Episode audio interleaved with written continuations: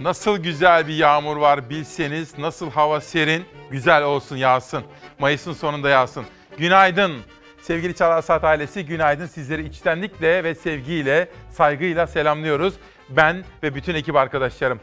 Muazzam bir hazırlık yaptık ve çok hoş bir sabah olacak. Gerçeklerden örülü yeni bir dünyaya adımımızı atacağız bu sabah. Günaydın. Günün adı şöyle. 22 Mayıs 2020 günlerden Cuma İsmail Küçükkaya ile Mavi Bir Sabaha Demokrasi Meydanı'nda yolculuk. Yönetmenim Şehnaz'dan rica etsem dışarıdaki o serin ve güzel havayı, o bereketli, yağışlı havayı bir göstersek. Evet, burası Fox'un içinde bulunduğu binadan dışarıya baktığımız zaman Zeytinburnu'nda görülen sahil. Yeşille mavinin gri ile birlikte dans ettiği ve bayramdan hemen önceye gelen bu hoş bahar yağmurlu havasında. Günaydın efendim. Tabii ki bugün koronavirüsle mücadele kapsamında alınan önlemler ana gündem maddemiz olacak. Sizlere ilk çağrımız şu olsun. Çok sıkıntılar çektik, çok bedeller ödedik, evlerde kaldık, işlerimiz, gelirlerimiz oldu. Azaldı, kimimizin işi kaybolup gitti ama yüzlük yüzlük kuyruğuna getirdik. Bugün diyoruz ki çifte bayram için biraz daha dikkat edelim. Tehlikeyi küçümsemeyelim. Gelmiş olduğumuz yol, kat etmiş olduğumuz mesafe azımsanmayacak kadar güzel. Rakamlar iyi ama bu iş öyle böyle bir iş değil. İkinci dalga, üçüncü dalga olmasın diye dikkat edeceğiz. Artık hepiniz biliyorsunuz nelere dikkat etmemiz gerektiğini. Sosyal mesafe kurallarından hijyen kurallarına kadar maske takmanın ne kadar sağlıklı ve önemli bir önlem olduğuna kadar. Bütün bunları konuşacağız. Ama tabii ki ekonomiyi de konuşacağız. Türkiye ithalat cenneti haline gelmiş. Acaba kim getirdi? Acaba kim Türkiye'yi ithalat cenneti haline getirdi? Bunu da konuşacağız. İktidarıyla muhalefetiyle yapılan açıklamaları sizlere aktaracağız. Bunun dışında spor dünyasından hatta magazin dünyasından, ekonomi dünyasından haberler var. Dün burada ağırladığımız değerli konuğumuz üzerinden de ekonomiye dair manşetleri yine sizlerle birlikte konuşacağız. Başka pek çok hazırlık, dosya, manşet ve sürprizlerimiz sizi bekliyor. Ama önce gazete manşetlerine şöyle bir yakından bakmak istiyorum. Gelsin bakalım. Hürriyetle başlıyoruz. Komşuya bile gitme diyor. Bilim kurulu üyeleri bayramda akraba veya komşu ziyareti yapmayı planlayanlara çok ciddi uyarılarda bulundu. Şu dört gün var ya şu dört gün salgına karşı çok önemli. Lütfen dikkatle takip ediniz. Ben hocalarımızın neler söylediğini sizler için aktarmaya gayret edeceğim şimdi. Profesör Doktor Füsun Eyüboğlu. Bu bayramda ev ziyareti yapmayın. Görüntülü bayramlaşın. Salgına karşı bu dört gün çok belirleyici olacak. Emekler boşa gitmesin. Profesör Doktor Levent Yamanel. Ziyarete gitmiyoruz. Ziyaretçi kabul etmiyoruz. Virüse karşı dijital bir bayram geçireceğiz. Geleneksel kutlamayı erteleyeceğiz. Profesör Doktor Recep Öztürk. Bu defaya mahsus ziyaretlerimizi görüntü yapalım. Kimsenin hastalığına sebep olmayalım. Daha mutlu bayramları mutlaka göreceğiz. Profesör Doktor Serap Şimşek Yavuz. Hani hafta başında sizlerle buluşturmuştum salı günü. İsmail Küçükkaya ile Demokrasi Meydan'a gelmişti. Bilim Kurulu üyesi hocamız Serap Şimşek Yavuz. Daha önümüzde çok bayramlar var diyor. Bu bayramda mümkün olduğunca birbirimizden uzak kalalım, kutlamalarımızı telefonla yapalım diyor. Bir başka hoca yine Musa Kesser'in sorusu üzerine hürriyete manşet olan sözlerinde şunları ifade ediyor. Profesör Doktor Ahmet Demircan kucaklaşmayı, el öpmeyi öbür bayramlara saklayacağız. Şeker yerine birbirimize maske ve kolonya hediye edelim. Bayramın hediyesi maske olsun. Maskeleri de takalım. Büyüklerin ellerinden, küçüklerin gözlerinden öpmüyoruz bu defalık diyor efendim. Az evvel sizlere dışarıdaki havayı da göstermiştim. Yağsın efendim, yağsın. Berekettir, yağsın. Doğu bölgeler hariç yurdun hemen hemen tüm kesimlerinde yağış var bugün. Sıcaklıklar da düşüşte. Bayrama yaklaştıkça hava soğumaya devam edecek. Bayramda batı ve iç kesimlerde yağış beklenmiyor ama hava serin. Doğu illerde ise hava hem yağışlı hem de soğuk olacak. Bugün sıcaklık düşüşü devam ediyor. Özellikle Karadeniz ve Marmara bölgelerinde hissedilir bir soğuma yaşanacak yine. Marmara'da öğle saatlerinde yağış etkisini yitirmeye başlayacak. Gün içinde Ege'nin iç kesimlerinde hava yağışlı, zamanla yağış hafifleyecek. İç Anadolu bölgesinin genelinde gün boyunca yağış geçişleri sürecek. Karadeniz bölgesinde yağış geçişleri bugün zaman zaman kuvvetli sağanak şeklinde düşebilir. Hazırlıklı olmakta fayda var. Marmara bölgesinde ise yağış ve soğuk havanın yanı sıra rüzgar kuzeyden sert ve soğuk esmeye devam ediyor bugün. Esen rüzgar Marmara ve Kuzey Ege'de üşütmeyi sürdürecek. İç ve doğu kesimlerde ise güneyden kuvvetli rüzgar bekleniyor. Cumartesi günü yağışlar hafifleyecek. Karadeniz ve Marmara'da hafif yağış geçişleri görülecek Arife gününde. İç kesimlerde ve Doğu Anadolu'da hava gün içinde kapatabilir, hafif yağış geçişleri görülebilir Arife gününde. Sıcaklıklar da düşmeye devam ediyor. Havadaki soğuma iç kesimlerde Akdeniz bölgesinde ve Doğu Anadolu bölgesinde cumartesi günü hissedilir hale gelecek. Arife günü tüm yurtta soğuk havanın etkisi sürmesi bekleniyor. Bayramın birinci ve ikinci günlerinde yağışlar yurdun doğusunu etkisi altına alıyor.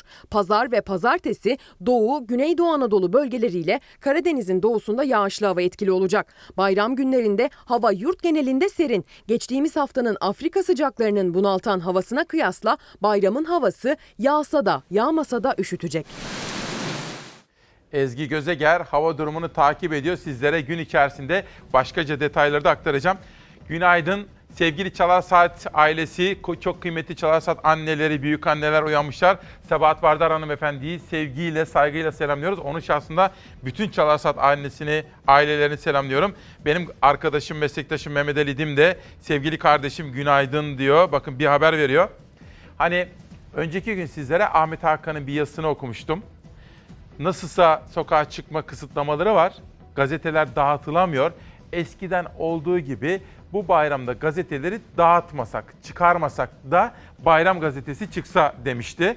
Hürriyet gazetesinin yayın yönetmeninin bu önerisini ben burada aktarmıştım ve Mehmet Ali Dim de bana iyi olur demişti. Şimdi diyor ki günaydın güzel kardeşim. İki gün önce Çalar Saat'te sen de Ahmet Hakan'ın yazısı üzerine gündeme getirmiştin. Sokağa çıkma yasağı olan bu bayramda ulusal gazeteler çıkmasın diyordu. Ve işte o karar alındı. Yerel gazeteler zaten çıkmıyor. Bu bayramda eskiden olduğu gibi bayram gazetesi mi çıkacak? Ne kadar güzel ama ulusal gazeteler çıkmıyorlar. Onun haberini vermiş olalım. Hürriyet'ten bir manşet gelsin. Dün önemli bir gündü. Ben de canlı yayında televizyon karşısında izledim.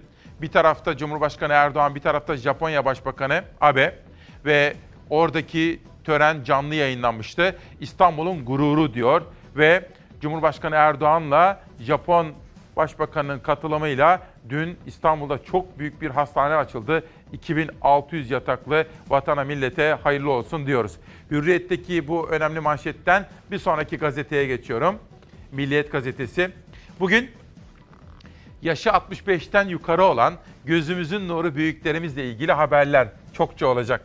Çünkü onlar haftalardır evlerde kalmışlardı. Çünkü biz onlara hastalık ve virüs bulaştırmamalıydık. Onları koruyoruz biz. Yoksa o yaşı büyüklerden bize bir şey gelecek değil. Sadece hayır gelir. Ama biz onlara belki mikrop, belki virüs bulaştırırız diye korkuyorduk. Onlar şimdi iyi bir uygulama. Memleketlerine gidebilecekler. Bugün Çalar Saat gazetesinde hem haber hem de dosya olarak bu konuyu sizlere detaylı olarak işleyeceğiz efendim. Kadimler göçü diyor bakın. Bir kelime oyunu yapmışlar. Korona nedeniyle sokağa çıkmaları kısıtlanan 65 yaş ve üzerine verilen memleket izni heyecanlandırdı. 8 saatte 258.651 kişiye izin çıktı. Şehirler arası yollarda yoğunluk yaşandı.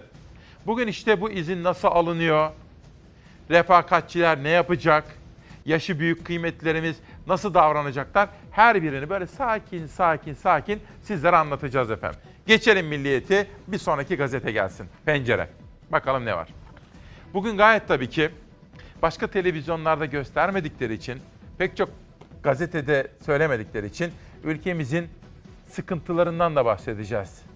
Çözüm yolu bulunsun diye ekonomi, işsizlik, yoksulluk, gelir dağılımı adaletsizliği gibi önemli toplumsal meseleleri de yapıcı bir dil ama net ifadelerle gözler önüne sereceğiz ki iktidar nerede eksik var onları görsün ülkemin acı gerçeklerinden biri yoksulluk. Bunu biliyoruz. Ülkemizin sıkıntılı konularından, konu başlıklarından birisi de gelir dağılımı adaletsizliği. Zengin miyiz? Zenginiz. Peki dağıtıyor muyuz adil? Hayır. Bunu konuşacağız işte. İşte pencere. Yokluğun iç acıtan tablosu. İstanbul'daki gelir adaletsizliğini İstanbul Büyükşehir Belediyesi'nin kent yoksulluğu araştırması gözler önüne serdi. Yardım alanların durumu içler acısı. İstanbul İstatistik Ofisi tarafından yapılan araştırmaya göre İstanbul Büyükşehir Belediyesi'ne sosyal yardım başvurusu yapanların %91'i haftanın iki günü et, balık veya tavuk alışverişi yapamıyor. Bu hanelerde yaşayanların %57'sinin borcu var. Ortaya çıkan istatistiklerden biri de yardım başvurusu yapanların %47.3'ünün düzenli bir geliri yok. İhtiyacı olup da kıyafet alabilenlerin oranı sadece %7.4 diyor bakın. Bu da bir başka tablo. Dün Ekrem İmamoğlu'nun basın baş danışmanı Murat Ongun'la da haberleştik. Tabii onlar da özellikle bu İstanbul'daki yoksulluk ve o yoksullara nasıl ulaşabiliriz, dayanışmayı nasıl artırabiliriz bunun çarelerini arıyorlar. İlerleyen dakikalarda askıdaki fatura uygulamasının yansımasını da güncellenmiş bilgilerle sizlere aktarmaya çalışacağım efendim. Pencereden bir haber daha sonra sözcüye geçeceğim. Bu da CHP ile AKP arasındaki hatta gerginlik yaratan önemli konulardan biri. Dün video görüntüleri ortaya çıktı. Bunu da bu sabah yine konuşacağız. Silah çeken değil, tepki gösteren cezaevinde. CHP'li Eren Yıldırım'ın tartışma görüntüleri ortaya çıktı. Görüntüde silah mekanizmasının sesi ve Yıldırım'ın annesinin isyanı net bir şekilde duyuluyor. Cumhurbaşkanı Erdoğan'ın ismini anmasıyla tutuklanan CHP Yüreğir İlçe Gençlik Kolları Başkanı Eren Yıldırım'ın annesi tartışmada siz halka silah mı çekiyorsunuz diyor. Gerçekten böyle bir ses var. Onu da ilerleyen dakikalarda kendi kulaklarınızda işiteceksiniz. Kaymakam korumasına işlem yapılmadı ama Yıldırım tutuklandı. Annesi, babası ve kardeşi gözaltına alındı diyor efendim. Peki bu özel sabahta yarın Arife ondan sonraki gün bayram çifte bayram için diyoruz ya. Dün itibariyle açıklanan rakamlar ışığında ve uzmanların görüşlerini de dahil ederek korona ile mücadelenin en son güncellenmiş bilgileri. Hastanelerimizde beklenen yoğunluk olmadan hastalık kontrol altına alınmıştır. Kritik eşik aşıldı, Sağlık Bakanı salgının kontrol altına alındığını açıkladı. Bir gün önce ilk kez binin altına düşen yeni hasta sayısı son tabloda da binin altında geldi. 21 Mayıs'ın koronavirüs tablosuna göre 961 yeni hasta tespit edildi. Üstelik son tabloda test sayısı da arttı. Bir gün önce 20.838 test yapılmıştı. Son tabloda test sayısı yaklaşık 13.000 artış göstermesine rağmen pozitif çıkanların sayısı binin altında kaldı. 19 ve 20 Mayıs tablolarındaki test sayısının azlığının nedenini hem bakan hem bilim kurulu üyeleri açıkladı. Testle ilgili bildiğiniz gibi bilim kurulunun kimlere test yapılabilir diye bir algoritması vardı. Bu çerçevede müracaat edenlerden numuneler alınarak yapılmış oluyor. Hastaneye direkt başvuranlara yapılan testlerde durum ne? Orada da düştü mü başvuru sayısı? Tabii ki e, çok net görüyoruz bunu. Hastaneye başvuran e, hastayım diye başvuranların sayısında da e, ciddi bir düşüş var. Bizim yaptığımız filyasyon biliyorsunuz. Çok meşakkatli bir şey olmasına rağmen çok hedefe yönelik bir tarama test. E, bu nedenle biz yani testler azaldı, sayıda bunun için azaldı diyemeyiz. Çünkü çok noktasal e, ve hedefe yönelik bir filyasyon taraması yapıyoruz. Hasta sayısının düşmesiyle birlikte hastayla teması bulunanların sayısı da azalıyor. O yüzden yapılan test sayısı da düşüyor. Düşüşler sürse de virüs hala can almaya devam ediyor. Son tabloya göre 27 kişinin daha hayatını kaybetmesiyle toplam can kaybı 4249'a yükseldi. Artan test sayısına rağmen pozitif çıkan vaka sayısı öngörüldüğü seviyede seyrediyor. Destek tedavisine ihtiyaç duyan hasta sayısı azalıyor. Yoğun bakımda 820 koronavirüs hastası var. Bunların 424'ü solunum cihazı desteği görüyor. İyileşen 1003 hastayla birlikte toplam iyileşenlerin sayısı 115 bine yaklaşırken bugüne kadar yapılan koronavirüs testleri 1 milyon 729 binin üzerine çıktı. Ne kadar filyasyon testiydi? Ne kadar hastaneye başvuranlara yapılan testlerdi? Böyle bir oran var mı elimizde? Çoğu filyasyon, tam kesin bir oran veremem ama çoğu filyasyonla bakılan testler bunlar. Ama tabii söylediğiniz gibi bir kısmı da hastaneye direkt başvuranlara yapılan testler. Sağlık Bakanlığı da yeni bir tarama sistemine hazırlanıyor. Özellikle havalimanlarında ve belirli bölgelerde bulunan herkese yapılacak koronavirüs testi.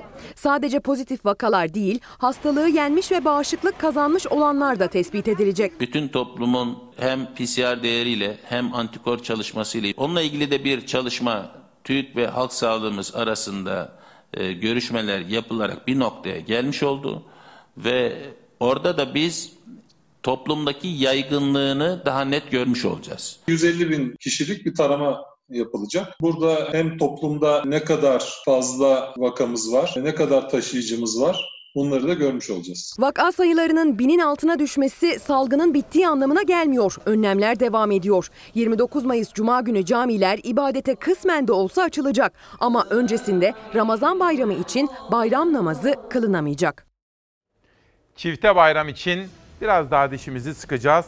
Bu virüsü küçümsemeyeceğiz efendim. Uyanan kıymetli Çalarsat ailesini görüyorum. Özgür Yıldırım Elazığ'dan memleketimize şimdiden iyi bayramlar dilerken Zeki Baran da sağlıklı günler diliyor. Çok önemsediğim bir mesaj var. Bir Çalarsat annesi Gökten Kansu diyor ki Günaydın güzel evladım. Bize uygulanan 65 yaş üzeri bir hafta arası 2 saat izin verseler de Bakın bu önemli. Hani sadece pazar günleri veriliyor ya. Buradan bilim kuruluna da bunu aktaralım. Günaydın güzel evladım. Bize uygulanan 65 yaş üzeri bir hafta arası 2 saat izin verseler de sağlık ocağına, eczaneye veya bir iki ihtiyacımız olabilir. Onları alabilme imkanımız olur. Kır, kuru gıda yemekten bıktık. Bir yeşillik alabilsek daha diyor bakın görüyor musunuz? Bu da önemli. Bilim kuruluna buradan bunu da duyuralım. 65 yaş üzerinin de aslında berber gibi ihtiyaçları da var. Sosyal mesafe kurallarına uyarak hafta içi de 2 saatlik bir izin organize edilebilir efendim. Bu da Gökten Anne'den gelen mesaj. Sözcü gazetesine geçiyorum. Sırada Sözcü ve Sabah blokları var. İki ayrı manşet okuyacağım peş peşe. Çiller ailesine bayram müjdesi. Denize nazır arazileri bir imzayla daha değerlendi. Özlem Güvenli'nin haberi. Eski Başbakan Tansu Çiller'in oğlu Berk'in yönetiminde olduğu şirketin İstanbul'daki arazisinin imarı turizme çevrildi. İnşaat alanı 5 kat artırıldı. Berk Çiller'in yönetim kurulu üyesi olduğu Marsan Marmara Holding'in İstanbul Kilyos'ta Karadeniz'e nazır yaklaşık 30 dönüm arazisi var. İmarı düşük yoğunluklu konuttu. Çevre ve Şehircilik Bakanlığı burayı turizm tesis alanı ilan etti. Arazinin 4586 metrekare olan inşaat alanı yaklaşık 5 kat artırılarak 24 bin metrekareye çıkartıldı. Parsel otel yapılacak şekilde düzenlendi. İstanbul Büyükşehir Belediyesi olumsuz görüş bildirdi diyor ve haberin altındaki fotoğrafta da Karadeniz kıyısında diye bir detay yer alıyor. Çevresinde lüks villalar varmış. İmarı artılan arazi 3. derece doğal sit alanında bulunuyor diye de bir detay gördük. Sözcü gazetesinde Çiller ailesine bayram müjdesi başlıklı haber. Sözcüden bir detay daha sonra sabaha geçelim. Saadet Partisi lideri seçim güvenliğini tartışma açtı. Seçimlerde oylara müdahale edecekler. Karamollaoğlu sandığa müdahalenin özellikle Doğu ve Güneydoğu'da yapıldığını öne sürdü. Temel Karamollaoğlu bu iddiasının gerekçesini şöyle açıkladı. Biliyoruz ki geçmiş seçimlerde sandık başındaki insanlarımızı katlettiler, oylara müdahale ettiler, yine edecekler dedi. Bu da çok çarpıcı bir iddia. Belki de Temel Bey'in bu iddiasını biraz daha temellendirmesi ve somutlaştırması gerekiyor. Neye dayanarak bunu söyledi? Belki de kendisine bunu sormamız gerekiyor. Bir sonraki gazeteye geçelim. Sabah gazetesi. Az evvel Hürriyet'ten okumuştum sizlere. Sabahın manşetinde de dün açılan o şehir hastanesi ile ilgili haber var. Sağlıkta son nokta. Dünya standartlarının üzerinde yeni nesil teknolojiye sahip Başakşehir Çam ve Sakur Hastanesi açıldı. Hastane en modern tedavi yöntemleriyle insanlığa şifa dağıtacak. Dün televizyonlarda canlı yayınlanmış ve Cumhurbaşkanı Erdoğan'la birlikte Japonya'nın başbakanı da canlı törene katılmışlardı efendim. Geçelim bir sonraki detaya. Sabahta bir detay daha seçtim. Türkiye dünya devine talip. Türkiye Odalar ve Borsalar Birliği, DEİK, TİM, müsiyat ve TÜSİAD başkanları yıllık 2.3 milyar euroluk cirosu bulunan Philips Küçük Ev Aletleri bölümünün alınması için güç birliği yaptı. Hükümet de ortaklaşa yapılacak satın almaya destek veriyor diyor. Bir sonraki gazetemizde ne var bakalım? Bir Gün Gazetesi alkış değil adalet istiyorlar. Bu bir beklesin Şehnaz pardon. Dünyaya şöyle bir yakından bakalım.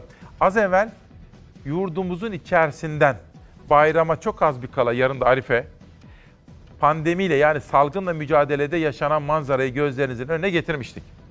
Şimdi de Beyza Gözeyik tarafından hazırlanan dünyadaki gelişmeler var. Onu izleyin ama bir not aktaracağım. Haberi hazırlayan Beyza Gözeyik bizim ekip arkadaşlarımızdan ve bugün itibariyle 30. yaşının ilk günü kutluyor. Onu da bir not olarak söyleyelim ve kendisini kutlayalım. Koronavirüs Çin'de değişime uğradı, kuluçka süresi uzadı. Tespit etmek zorlaştı. Rusya sınırı yakınında yaşayan 100 milyon kişi karantinaya alındı. Virüsün ilk görüldüğü Wuhan'da salgının ortaya çıkış nedeni olarak görülen vahşi hayvan yemek yasaklandı. Covid-19 ile mücadelede aşı ve tedavi arayışları sürerken salgın can almaya, vaka sayısı artmaya devam ediyor. Dünya genelinde can kaybı 334 binin üzerinde, vaka sayısı 5 milyon 200 bine dayandı. Son 24 saatte dünyada 106 bin vakaya rastlandı. Bu salgının başladığı günden bu yana görülen en yüksek rakam oldu. Avrupa'da salgının en fazla etkili olduğu ülkelerde günlük vaka artışı binin altına düşerken dünya genelindeki artışın merkezinde Brezilya var. Devlet Başkanı Bolsonaro'nun Covid-19'u basit bir grip diyerek küçümsemesi Brezilya'yı adeta felakete sürükledi. Virüsün yayılışı son günlerde hız kazandı. Brezilya'da Covid-19 nedeniyle hayatını kaybedenlerin sayısı 20 bini geçti. Vaka sayısının 310 bini aştığı ülke Amerika ve Rusya'nın ardından 3. sıraya çıktı. Salgının ilk görüldüğü Çin'dense endişe verici haberler geldi. Koronavirüs ülkenin kuzeydoğusunda yeniden görüldü. Doktorlar virüsün Wuhan'dakinden farklı özellikler taşıdığını söyledi. En dikkat çekeni kuluçka sürelerindeki farklılık. Aralık ayında görülen virüsün kuluçka süresi 14 güne kadar çıkarken yeni vakalarda bu sürenin daha uzun sürdüğü belirlendi. Son görülen virüs daha çok akciğeri hedef alırken Wuhan'dan dünyaya yayılan virüs akciğerlerin yanı sıra kalp, böbrek ve bağırsak gibi organlara da zarar veriyordu. Çinli doktorlar virüsün mutasyona uğramış olabileceğini belirtti. Bunu net söylemek için daha fazla örneğin incelenmesi gerektiğini açıkladı. Netleşmeyen konulardan biri de virüsün kaynağı. Çin'e göre virüs ülkeye Rusya'dan gelmiş olabilir. Yeni vakaların artmasıyla birlikte Pekin yönetimi Rusya sınırında 100 milyondan fazla kişinin yaşadığı bölgeyi karantinaya aldı. Tren seferleri durduruldu, okullar tatil edildi ve sokağa çıkma kısıtlaması getirildi. Salgının dünyadaki merkezi Amerika'da ilginç bir protesto düzenlendi. Can kaybının 95 bini geçtiği ülkede Başkan Trump'ı yalancılık ve süreciyi yönetememekle suçlayan bir grup gösterici Beyaz Saray'ın önünü ceset torbalarıyla doldurdu. Trump'ın hedefinde ise yine Çin vardı. Donald Trump, Amerika'nın yetersizliğini örtmek için Çin'i karaladığını açıklayan Pekin'e yüklendi. Sözcü Çin adına aptalca konuşuyor ve ülkesinin dünyaya yaydığı acı ve kıyımın yönünü değiştirmek istiyor. Çin'in ABD ve Avrupa üzerinden yaptığı propaganda saldırısı bir rezillik.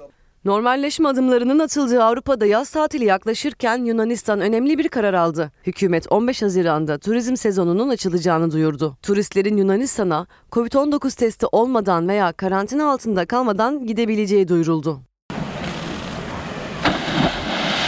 Nisan ayı ortalarında salgını kontrol altına alan Almanya normalleşme sürecinde bir hamle daha yaptı. Köln kentinde havuzlar yeniden açıldı.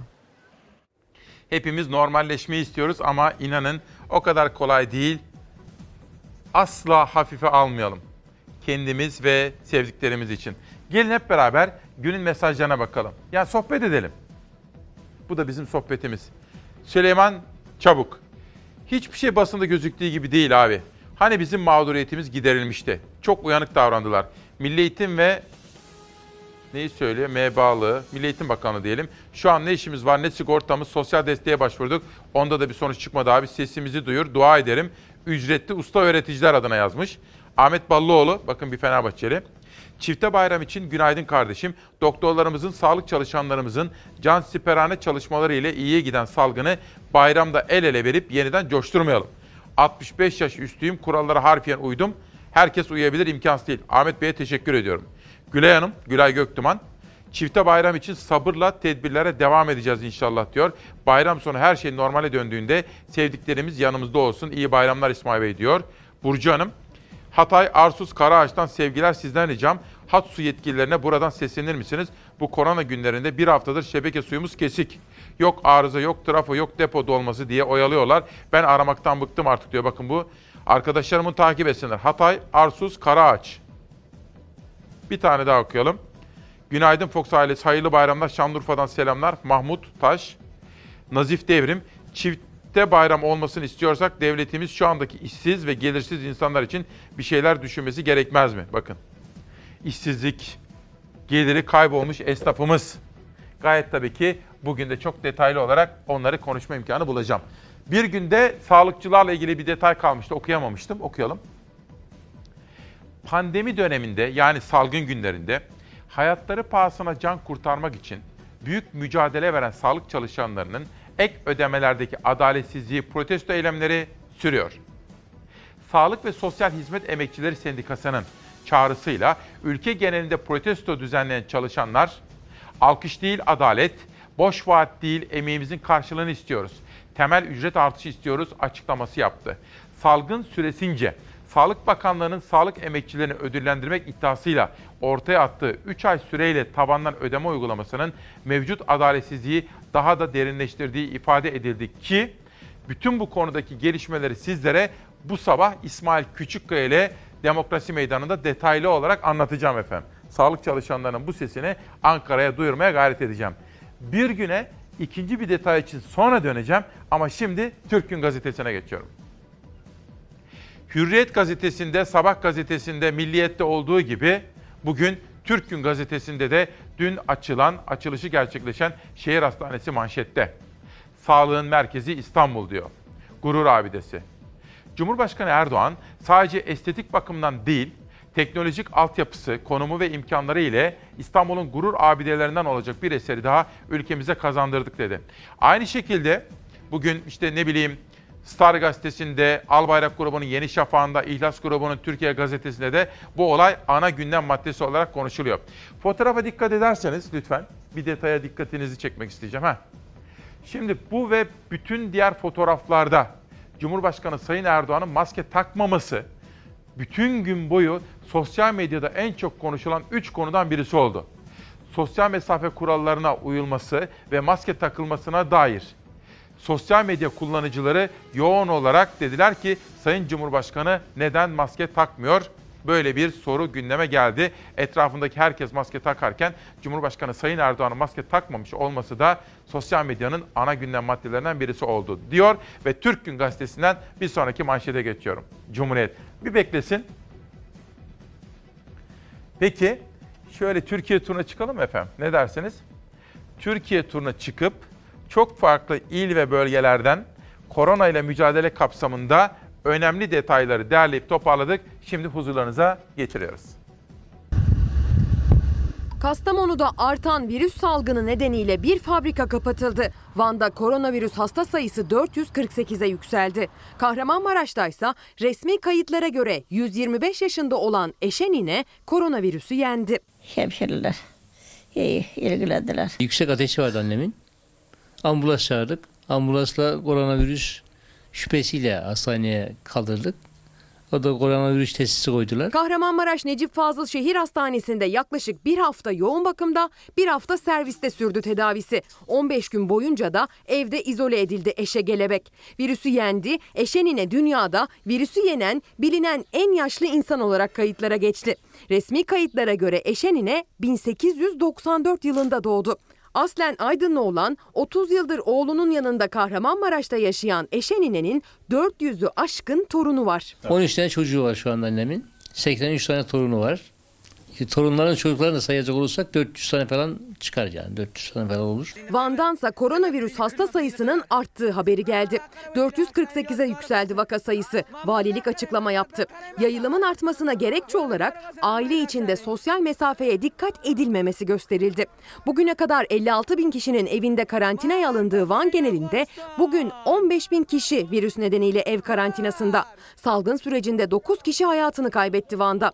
İl Hıfzı Sağ Kurulu Ramazan bayramı öncesi yaşanacak yoğunluğun bulaşma riskini arttırma ihtimaline karşı mezarlık ziyaretlerini sınırlandırdı. Mezarlıklara maskesiz girilmesi, toplu halde mezarlık ziyareti ve çevresinde seyyar satıcılık yasaklandı.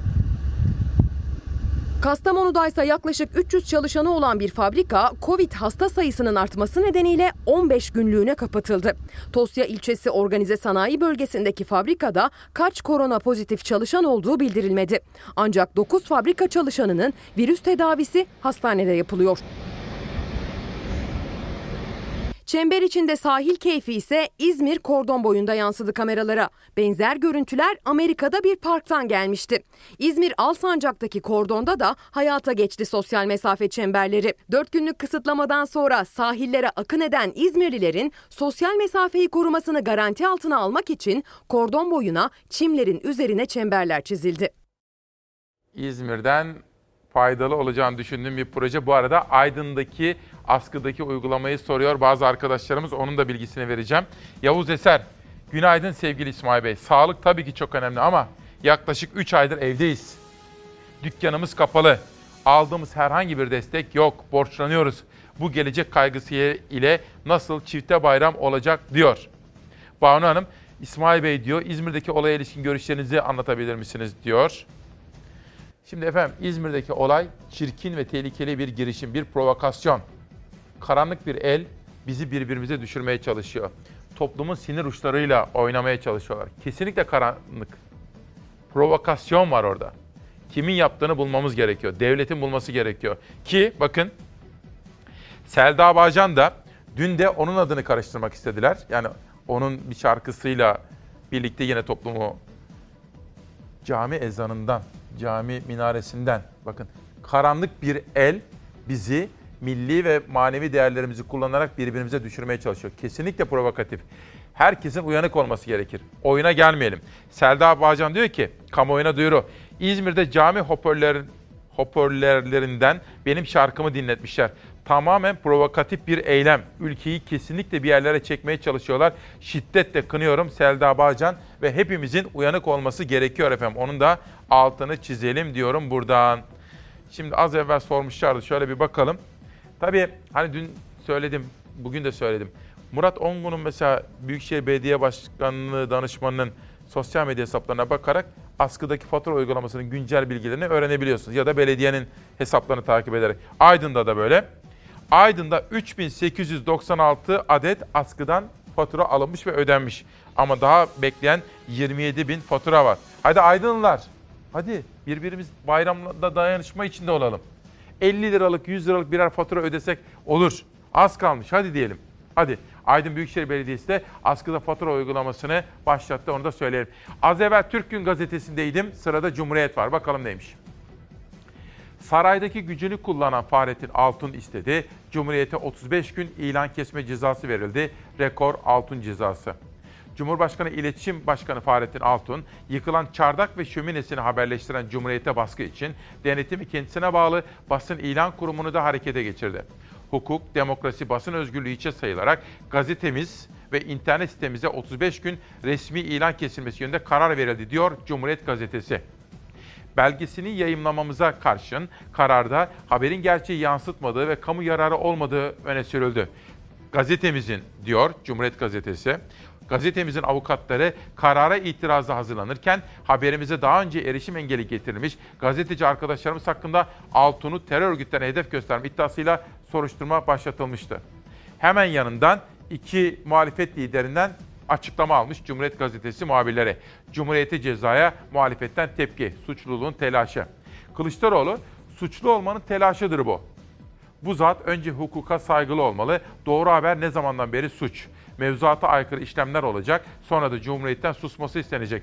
Cezayla mı korkutacaksın Cumhuriyeti derken İyi Parti lideri Akşener, sarayın bürokrasisi kendini sınırsız güç sahibi sanıyor. Bu keyfiyet Türkiye'ye yakışmıyor. Devlet gücünü kullanarak iktidarın sesi olmayan basına ceza kesmek demokrasiye zarar verir, adalet duygusunu yaralar demiş İpek Özbey. Her iki liderle de konuşmuş efendim. Saatler 8.20'ye doğru hızla yol alırken bir de tabii futbol severler merakla bekliyorlar. Futbol Federasyon Başkanı da peş peşe açıklamalarla liglerin ne zaman oynanacağına ve detaylara ilişkin kamuoyundaki merakı gidermeye çalışıyor. Şimdi Haziran'ın ortasında deniliyordu ama bir ihtimal belki de Temmuz'a kalacak gibi ama henüz net karar verilmiş değil. Süper Lig'in 12 Haziran tarihinde başlaması üzerine üzerinde 18 kulübün tam desteğiyle kararı almış bulunmaktayız. Türkiye Futbol Federasyonu yönetimi Kulüpler Birliği futbol kulüpleri temsilcileri futbol liglerinin başlama tarihiyle ilgili toplandı. Başkan Nihat Özdemir 12 Haziran tarihinde uzlaşıldığını söyledi. Birincilik, ikincilik, üçüncülük Koronavirüs salgını nedeniyle Mart ayının 3. haftasında Türkiye'de ligler ertelendi. Salgının kontrol altına alınmaya başlamasıyla normalleşme adımları atıldı. Türkiye Futbol Federasyonu maçların seyircisiz oynanmak üzere 12 Haziran'da liglerin başlayacağını duyurdu. Türkiye'deki şartların değişimi, koronavirüs olsun, seyahat özgürlüğü olsun, diğer konuları da göz önünde bulundurarak Dün Türkiye Futbol Federasyonu, Kulüpler Birliği Vakfı ve Süper Lig ekiplerinin başkanları ve temsilcileri Süper Lig'in başlama tarihini konuşmak için toplandı. 4 saat süren toplantının ardından Türkiye Futbol Federasyonu Başkanı Nihat Özdemir 12 Haziran tarihi üzerinde mutabakat sağlandığını duyurdu. Kesin karar için 28 Mayıs'ı işaret etti. kesin tarihimizi 28 Mayıs tarihinde yapacağımız basın toplantısı ile kamuoyuna açıklamak üzere bütün kulüplerle birlikte anlaşmaya varmış durumdayız. Nihat Özdemir futbol kulüplerinin geliri kalmadığı için ekonomik açıdan zor durumda olduklarını söyledi. Liglerin başlamasının ardından gereken adımların atılacağını belirtti. Kulüplerimiz gerçekten finansal yapılar yönünden çok zor durumdalar. Toplantıda sadece liglerin başlama tarihi değil, gelecek yıl oynanacak sezon da gündemdeydi. Bazı kulüpler Süper Lig'deki takım sayısının artmasını talep etti. 7 kulübümüzün de federasyonumuza müracaat ederek bu yıl ligden düşmenin olmaması, gelecek sezonun da 21 takımla oynanması konusunda federasyonumuza müracaatta bulundular. Federasyonumuz bu konuyu inceleyecek. Öte yandan Galatasaray Spor Kulübü oyuncular, teknik heyet, idari ve yardımcı personellerinde yapılan Covid-19 test sonuçlarının negatif çıktığını duyurdu. Sarı Kırmızılı ekip antrenmanlarına kaldığı yerden devam edecek. Evet bugün çifte bayram için diyoruz. Tabii Bartu Delfin de diyor ki İsmail kardeşim bugün oğlumuz Bartu'nun da doğum günü rica etsem kutlar mısın diyor. Bartu'ya ve bugün doğum günü kutlayan herkese aileleriyle birlikte sağlıklı bir yaş diliyorum efendim. Sosyal medyaya bir bakalım. Hüseyin Hatemi hocamız bir sosyal medya paylaşımı yapmış. Ciao Bella'nın gerisi Bonjour Bella demektir. Yani merhaba Bella. Yani bunun arkasındaki provokatif girişime tepki gösteriyor hocamız. Bu ezanlar ki şehadetleri dinin temeli, ebedi yurdumun üstünde benim inlemeli. Amacın halkı birbirine düşürmek olduğu açıktır. Tertipçiler derhal bulunmalıdır. CHP işi olduğunu zannetmiyorum. Hangi görünümde olursa olsun bir fitneci ajandır diyor Hüseyin Atemi. Ben buradan özellikle uyuşturucuyla mücadeledeki başarılarını zaman zaman ekranlara getirdiğim İzmir Emniyet Müdürü'ne de seslenmek istiyorum. Bu provokasyonun arkasındaki kişileri bulması gerekiyor. Çok tehlikeli bir oyun var burada. Halkı birbirine düşürmeye çalışan karanlık bir el yine devreye girmiş. Bunu kimin yaptığını bulmak, hemen derhal bulmak devletimizin görevidir efendim. Hemen. Yani o paylaşımı yapanlarla ilgili filan hani sonrasındaki o işin sonraki bölümleri o ayrı. Beni asıl ne ilgilendiriyor? Beni ilgilendiren bu eylemi yapanlar. Karanlık bir şey var orada. Hemen bulmaları gerekiyor. Geçelim. Sözcü gazetesi Ankara Büyükşehir Belediyesi'ne ait tarım arazilerinde üretim başladı. Mansur Yavaş'ın talimatıyla ürünler toplandıktan sonra tek tek ihtiyaç sahiplerine ulaştırılacak. Sosyal belediyecilik kapsamında önemsediğimiz ve takipçisi olduğumuz projelerden birisi de işte bu. Sosyal belediyecilik. Amacımız bu. Bütün partilerden beklentimiz bu efendim. Cem Küçük, Tarım ve Orman Bakanı Bekir Pakdemirli, Türkiye'nin en büyük tarım işletmesi olan Şanlıurfa Ceylanpınar Tarım İşletmesi'nde 60 bin dekar alanı suyla buluşturacak yatırımın tamamlandığını açıkladı ve 22 Mayıs 2020 Cuma günü açılışının yapılacağını söyledi. Pardon bir saniye. Hani ben sizlere sıklıkla söylüyorum ya efendim. Mesela ben işimi aşkla yapıyorum, tutkuyla. Öyle yapmamız gerekiyor. Ve bu dünyada hangimiz işi şevkle, aşkla, tutkuyla yaparsak başarıya ulaşırız. Tokat'tan bir büyüğümüzü gördüm. Ve hemen Savaş Yıldız'a dedim ki Savaş bunu yarın hazırla. Şenaz hazır mı çilekçi teyzemiz? Ama öyle böyle değil efendim.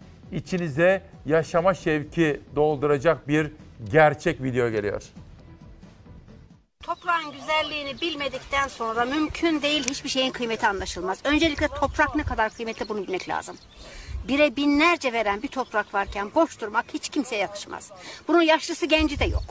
İsteyen herkes toprakla beraber gençleşebilir. Çünkü gerçekten çileklerimiz harika lezzetli. Bu aromayı hiçbir yerde bulamazsınız. Evet, özellikle şimdi ba- Nefis bakımlarını bir- yapıyorsunuz. Evet, Çok da şimdi zahmetli bir şey otunu olsa alıyorum. gerek. Zahmetli ama severek yapınca e, bir doktorun hastasını estetik ameliyat yaptığı düşüncesiyle böyle ince ince içinden küçüklerini temizlerini seçe seçe çıkarttığınızda hem size çok büyük bir zevkle geri dönüyor hem siz yaptığınız işten mutlu oluyorsunuz. Ya harika yani sizlerle şöyle sohbet ediyor olmak bile muhteşem. Elektrik davanız yok. Elektrik çarpmıyor. Toprak elektriğinizi alıyor. Gayet rahat oluyorsunuz. Stresiniz kalmıyor. Geçen yıl bir de bir keçi aldık. Harika. Onunla da eğlendik. Hem keçimizin sütünü kedilerimize içirdik. Evet. Keçilerimizin sütüyle kedi besledik. Bakın tam şimdi de bana ne zaman atmış? 25 bir dakika önce de şu fotoğrafları yollamış bana yine tarımdan. Mustafa Ezici hani sizlere demiştim ya İstanbul'daki işi gücü bıraktı. Gazi Paşa'ya yerleşti tarımcılıkla uğraşıyor. Gelecek burada diyor. Abi aşkla yapılan işte başarısız olmak mümkün değil diyor. Başarılı olacağız tabii ki. Çünkü aşkla şevkle yapıyoruz ve toprak, bereketli toprak. Mustafa Ezici'nin şahsında da bugün tarımla uğraşan herkesi sevgi ve saygıyla selamlıyorum. En son ne kalmıştı? Pak Demirli'nin açıklaması vardı Şanlıurfa ve şimdi de Profesör Doktor Mustafa Öztürk. Hocamızı da geçtiğimiz hafta İsmail Küçükkaya Demokrasi Meydanı'nda ağırlamıştık. Çok ilgi çekti biliyorsunuz sözleri. Diyor ki parklarda sosyal mesafe kuralını kor- koruyarak güneşlenme ve doğal olarak D vitamini temin etmemiz gerekmekte diyor hocamız. Ama sosyal mesafe kurallarına uyarak. Tabii biz doğaya vandalca davrandığımız için doğa bizi cezalandırıyor zaman zaman. Ama şimdi bu salgın nedeniyle pek çok yerde hava temizliği ortaya çıktı. İstanbul'dan bakınca Uludağ görmek, Uludağ'ı görmek mümkün hale geldi. Anadolu Ajans'ta müthiş bir fotoğraf gördüm. Bir sonraki mesaj. Çevreye dikkat edeceğiz ve çevreyi koruyacağız efendim. Erdal Yambuloğlu aile sağlığı merkezlerine 65 yaş üstü seyahat belgeleri ile ilgili yoğun başvuru var. Bu belgeyi e-Devlet veya Alo 199 üzerinden alabiliyorsunuz. Lütfen ilgili yerlere başvuru yapın. Boşu boşuna aile sağlığı merkezlerini meşgul etmeyelim diyor Erdal kardeşimiz. Doğru söylüyor. Bayramda evimizde kalalım diyor Sağlık Bakanı Sayın Fahrettin Koca. Bayram kutlamalarını ziyarete giderek yapmayalım. Anne babalarımıza, büyüklerimize düşkünlüğümüz tehlikeli bir yakınlık olmasın. Onlar için en güzel sözleri düşünüp arayalım. Yanlarına gitmeyelim. Kalbin kurduğu cümle bir annenin elini öpmekten daha büyük yakınlık kurar, kurabilir diyor efendim.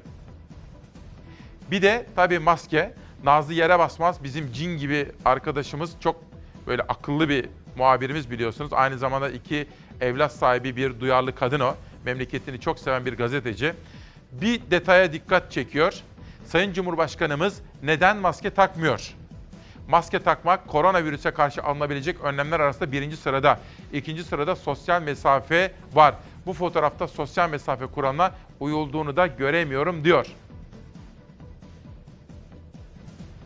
Yani Sayın Cumhurbaşkanımızın da maske takarak örnek olması gerektiği dün sosyal medya paylaşımlarında en çok yapılan manşetlerden biriydi. Kaz Dağları bu görüntüler sadece başlangıç. Eğer hep birlikte ve şimdi talanı durdurmazsak daha fazla katliam yaşanacak diyor efendim. Bir de hani bugün tek tek ülkelere de bakacağız dedik. Bu salgının başladığı Çin. Çin'deki en son durumu da şimdi huzurlarınıza getiriyoruz. Virüsün ilk görüldüğü Çin Wuhan kenti tamamen yeni normale alışmaya başladı. Vaka sayıları tamamen durmuştu ki 6 kişide daha virüs tespit edildi. Wuhan'da tüm nüfusa Covid-19 testi yapılmaya başladı. Hastalık Güney Kore'de de tekrar görüldü.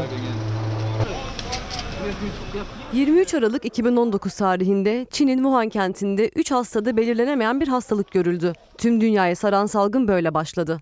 Çin hastalığı araştırdığı sırada ülkeleri uçuşları durdurmadı. Hastalık Güney Kore ve İtalya'da da yayılmaya başladı. Ardından dünyanın birçok yerinde vakalar görüldü.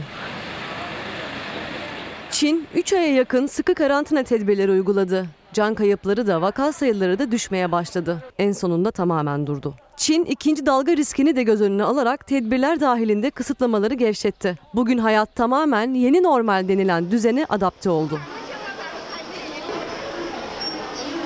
Ancak virüs tekrar görülmeye başladığında 11 milyon nüfusluk Wuhan'da herkese test yapılmaya başlandı. Virüsün tespit edildiği hastaların Avrupa temaslı olduğu belirtildi. Ayrıca Çin'in kuzeydoğusunda da 46 yeni vaka tespit edilince bazı bölgelerde yeniden karantina uygulamaları başladı. Çin'den sonra salgınla tanışan Güney Kore hiç zaman kaybetmeden karantina uygulamalarını başlattı. Yolda yürüyenler bile durduruldu, hızlı testle kontrol edildi. Salgın 264 can kaybıyla sınırlı kaldı. Vaka artışı durdu. Ancak tedbirler elden hiç bırakılmadı. Güney Kore de ikinci dalga riskini unutmadı. Testlere devam edildi. Bugün 12 yeni vaka daha tespit edildi. Ancak şu an için acil bir durum ilan edilmedi. İşletmelerin kademeli olarak açıldığı ülkede okullarda da eğitim hayatı başladı. Dün bir otomobil firmasının bir yerine gittim de böyle bir servisine gittim diyeyim. Orada bir emek böyle genç ama memleket aşkıyla tutuşan bir kardeşimizle tanıştım. İrfan İrfan Boyraz. Onun da selamlarını size iletmek istiyorum. Çok sağ olsun, var olsun. Güzel dileklerde ve iyi bayramlarda bulundu size. Onun gibi bakalım uyananlar sağlıkla nice güzel yıllar ve memleketimize sağlıklı bayramlar diliyoruz diyor. Melek Gümüş ve Naci Gümüş onlara da teşekkür ediyorum. Bugün size 7 ayrı kitaptan alın 7 ayrı kitaptan tanıtım yapacağım. Daha doğrusu izleyicilerimizden gelen kitapları sizlere gösterme imkanı bulacağım. Ayrıca kendi okuduğum bir kitaptan da halen okumakta olduğum bir kitaptan da alıntılar yapacağım. Bu da bana Mersin'den geldi. Ahmet Yeşil ama bana bunu Hüseyin Kış yolladı. Üzerine de böyle incelikli bir yazı yazmış. Sağ olsun. Mersin'i ve Hüseyin Kış'ı da buradan sevgiyle selamlıyorum. Reklamlara gidiyoruz. Dönüşte çok özel hazırlıklar, manşetler ve sürprizlerle birlikte olacağız ve 10.45'e kadar devam edeceğiz. Nasılsınız efendim? İyi misiniz? Zaman ne kadar çabuk geçiyor öyle değil mi? Koca Ramazan'da bitiyor bakar mısınız? Yarın Arife, ondan sonraki gün bayram. Bu arada şunu da söyleyeyim. Bayramda pazartesi ve salı sabahı da sizlerle birlikte olacağız efendim. Sizlerin haberdar olmanız için elimizden gelen bütün çabayı göstereceğiz. Çok özel hazırlık ve sürprizlerimiz olacak. Onu da söylemek isterim. Bugün manşetimiz çifte bayram için. Ne isterdiniz? Çifte bayram olsun diye ne isterdiniz? Ne olsa çifte bayram olurdu sizin için? Hadi bana yazın. Bu arada yönetmenim Şehnaz'dan rica etsem şöyle bir dışarıya baksak. Sabah erkenden uyanıp sizlerle buluşmak üzere heyecanla buraya gelirken nasıl güzel yağmur vardı, bereket. Ben seviniyorum. Çünkü barajlarımız dolsun istiyorum. Ve hava durumuna dair detayları farklı olarak da biraz sonra sizlere anlatmaya gayret edeceğim. Bunun dışında bugün koronayla mücadele Türkiye ve dünyadan bilimsel bilgiler, ekonomi, başka televizyonlarda gösterilmeyen yüzü, işsizlik ve yoksulluk da dahil, olumlu olumsuz bütün meseleleri sizlere yapıcı bir dil ama net ifadelerle anlatmak istiyoruz. Çünkü biz halkın haber alma ihtiyacı için buradayız. Bu arada İzmir Emniyet Müdürü'ne çağrımızı tekrar etmek istiyorum. Halk düşmanlarını bulunuz. Bizi birbirimize düşürmeye çalışan, halkın dini ve milli hassasiyetlerini kullanarak kışkırtıcı bir provokasyona imza atmak isteyen o eylemcileri bulun. Devletin her türlü imkan ve yeteneği sizlerin elinizde vardır ve o karanlık elleri bulun diyoruz efendim. İlerleyen dakikalarda bu konudaki haberleri sizlere aktaracağım. Şimdi yönetmenimden ikinci tur gazeteleri getirmesini rica ediyorum. İlk turda Hürriyet'le başlamıştık hatırlayacaksanız. Hürriyet, Milliyet, Sözcü, Sabah böyle akıp gitmiştik. Bir gün, Türk gün hepsini okumaya çalışıyorum. Şimdi de pencereden karar yeni çağ böyle akıp gideceğiz. Bahçeli'nin FETÖ projesi açıklamasına Ali Babacan'dan yanıt. Ülkeye hangi faydası dokunuyor? Pencereden okuyorum. Devlet Bahçeli'nin yeni kurulan siyasi partilerin isimlerinin FETÖ projesine uygun olarak seçildiğini söylemesinin ardından Ali Babacan, ülkeye hangi faydası dokunuyor, ne üretiyorlar? Bunu anlasınlar dedi. MHP'den üst üste açıklamalar geldi diyor efendim. Bir sonraki gazeteye geçelim. Daha doğrusu pardon bir sonraki manşete geçelim buradan. Kriz çıkmasın diye kabul ettim şimdi olsa etmem. Gelecek Partisi Genel Başkanı Davutoğlu geçmişteki hatalarını anlattı. MKYK'da yani Merkez Karar Yürütme Kurulu'nda önüne konulan listeyi bugün olsa kabul etmeyeceğini söyleyen Davutoğlu, Pelikan bildirisine imza atanlar için çakallar ifadesini kullandı. Ve çakallar alana girdiği zaman aslan onları muhatap almaz. Beni kukla başbakan topal ördek yapmak istediler. Allah'tan başka kimseden korkmam. Bu ülkenin hapishanelerinde Nazım Hikmet de Necip Fazıl da yattı, Davutoğlu da yatar. Ahmet Davutoğlu bu açıklamalarını meslektaşımız Cüneyt Özdemir'in internet yayınına katılarak yapmıştı. 12 Eylül 2015'te arkamdan kongre oyunlarıyla önüme MKYK listesi konuldu. Bir muhasebe yaptım. İki liste çıksa 1 Kasım seçimini alamayabilirdik. Onlar kongre oyunu yapıyor, ben terörle mücadele ediyorum. Listeyi kabul ettim. Kriz çıkmasın diye. Şimdi olsa etmem. Cumhurbaşkanının seçimi kazandıktan sonra arkamdan hamleyle beni genel başkanlık ve başbakanlıktan ayıracağını hiç düşünmedim. 17 sayfalık bir muhalefet şerhi verdim. Binali Bey'le de konuştum. O dönem bütün suçlar bana yüklendi. Ağzımdan tek bir defa evet çıkmadı. Cumhurbaşkanının bana öfkesi, husumeti oradan geldi. Şimdi olsa bu anayasa doğru değil derdim. Mecliste oy vermezdim dedi. Yani Ahmet Davutoğlu'nun benden kukla başbakan olmamı istediler. Ben bunu kabul etmedim şeklindeki sözleri çok ama çok manidar. Ne dersiniz efendim? Hem Ali Babacan'ın hem de Ahmet Davutoğlu'nun ki AK Parti'nin kuruluşunda yer almış isimler, AK Parti'de çok önemli görevlerde hizmet vermiş isimler şimdi çok sert ve güçlü çıkışlar yapıyorlar. Şu anda şöyle bir düşünün. Türkiye'deki pek çok berber salonunda, kuaför salonunda televizyonlar açık ve bizi izliyorlar. Onlara bir selam verelim mi efendim? Hadi onlara bir selam verelim.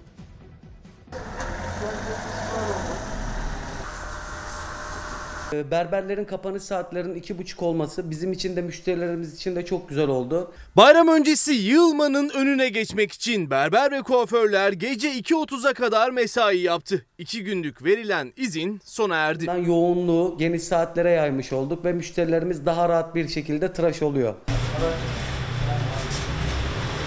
Koronavirüs tedbirleri kapsamında yakın temas nedeniyle virüsün yayılmasını önlemek amacıyla Mart ayında kapatıldı berber ve kuaför salonları. 11 Mayıs'ta ise salgının kontrol altına alınmaya başlamasıyla yeniden işbaşı yaptılar. Ramazan bayramının yaklaşmasıyla berber ve kuaförlere ilgi arttı. İstanbul Valiliği yığılmanın önüne geçmek için iki günlüğüne berber ve kuaför salonlarına gece 2.30'a kadar çalışma izni verdi. Bence bu uygulama çok güzel olmuş. Yoğunluk olmuyor ayrıca berberlerde. Önceden çok yoğunluk oluyordu. Bizim için de kötü oluyordu. Şu an e, bayram öncesi bu olay çok güzel olmuş bence. Mega kentte iki gündür gece yarısından sonra da açıktı berber ve kuaförler. Müşteriler hijyen kurallarına uygun şekilde içeri alındı. Tek kullanımlık önlükler verildi. Maskesiz kimse içeriye alınmadı. Yeni normalle hizmet verdi berber ve kuaförler.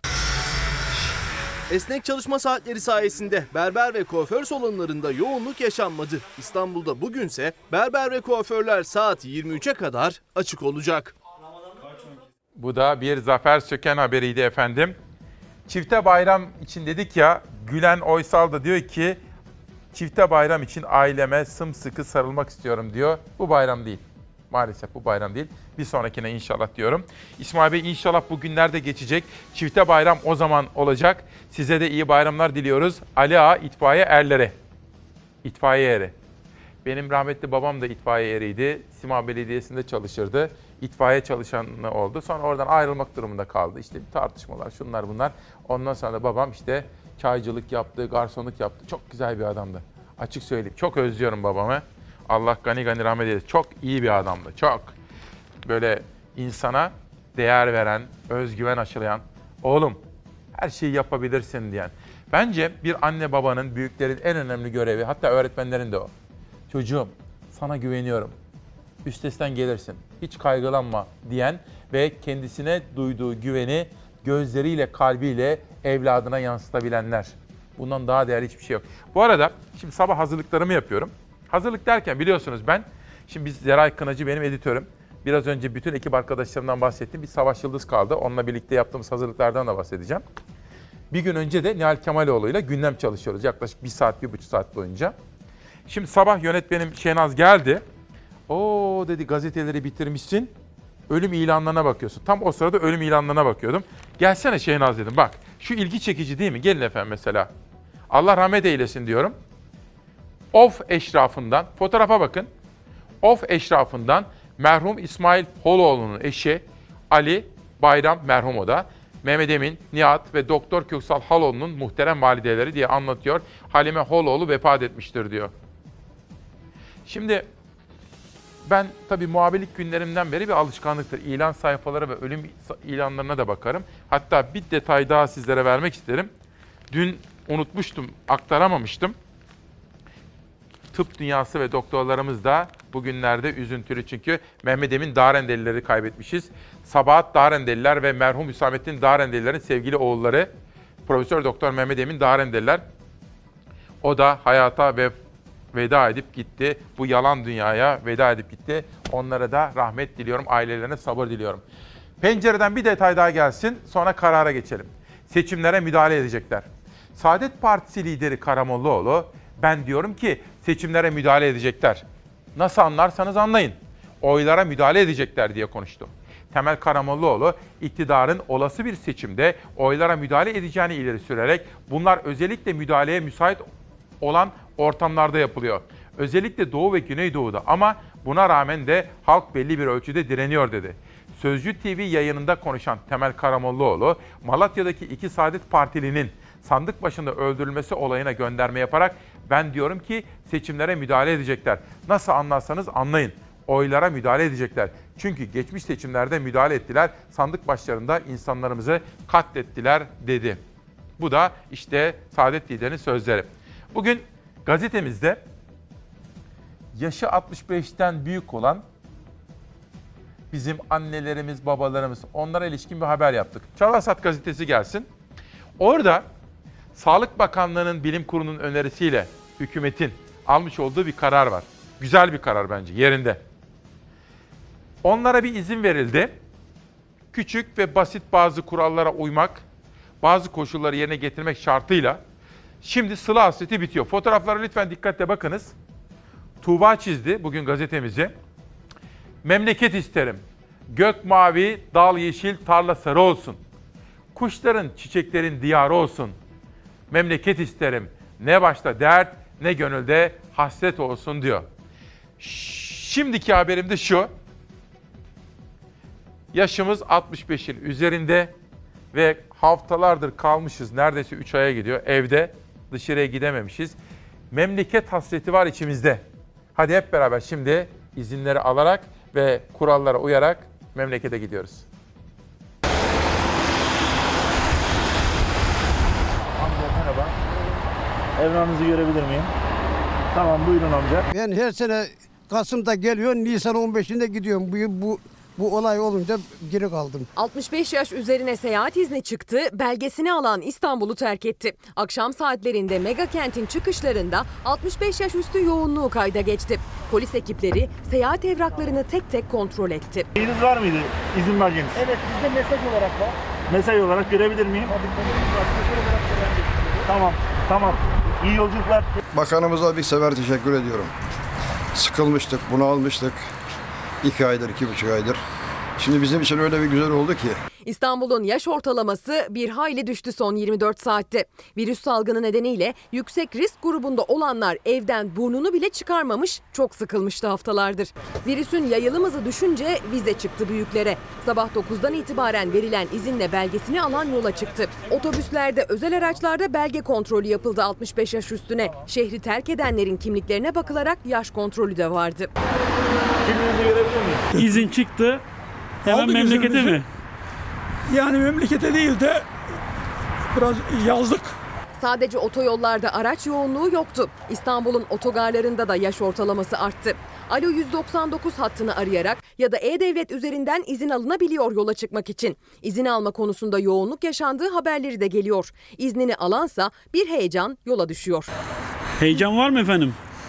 E, gidiyorum ben tabii bir yandan üzülüyorum bir yandan seviniyorum. Tüm önlemlerimizi de almışsınız. Aldık. Eldiven, maske. Ünzile Yağcı memleketi Ankara'ya giderken evlatlarını geride bırakmanın üzüntüsünü yaşasa da evine gidecek olmanın sevinci baskın geldi. Kısıtlama başladığında evlat ziyareti için İstanbul'da olanlar haftalarca mahsur kaldı salgın yüzünden. Adapazarı'na gideceğiz. Dedi orada iki buçuk aydır ayrıyız. Biraz sıkıldık ama sağlık söz konusu olunca Hüseyin Özçelik yazlığa gitmek için Balıkesir otobüsüne binmeden önce sıkıldık ama sağlık öncelikli dedi. İleri yaş risk grubundaki yolculardan gençlere de öğütler geldi. Birbirine çok yaklaşıyorlar. Gece 12'den sonra sokağa çıkıyorlar sanki bayram varmış gibi. Virüs böyle tükenmez. Ve işte memleket izni. Bence iyi bir karar bu. Hani memlekete gidecekler ama bir ay en az orada kalmaları gerekiyor. Hatta yanlarında refakatçiler de gidip onları bırakıp 72 saat içerisinde dönmeleri mümkün olabilir. Yörük Durmuş Ali nemalanmak isteyenler var. İzmir'deki olay bence de öyle. Nemalanmak isteyenler var ve provokasyon girişimi bence de öyle. Ona göre dikkat etmek gerekir. Emre Dil çifte bayram için bekleyecek sabır kalmadı diyor.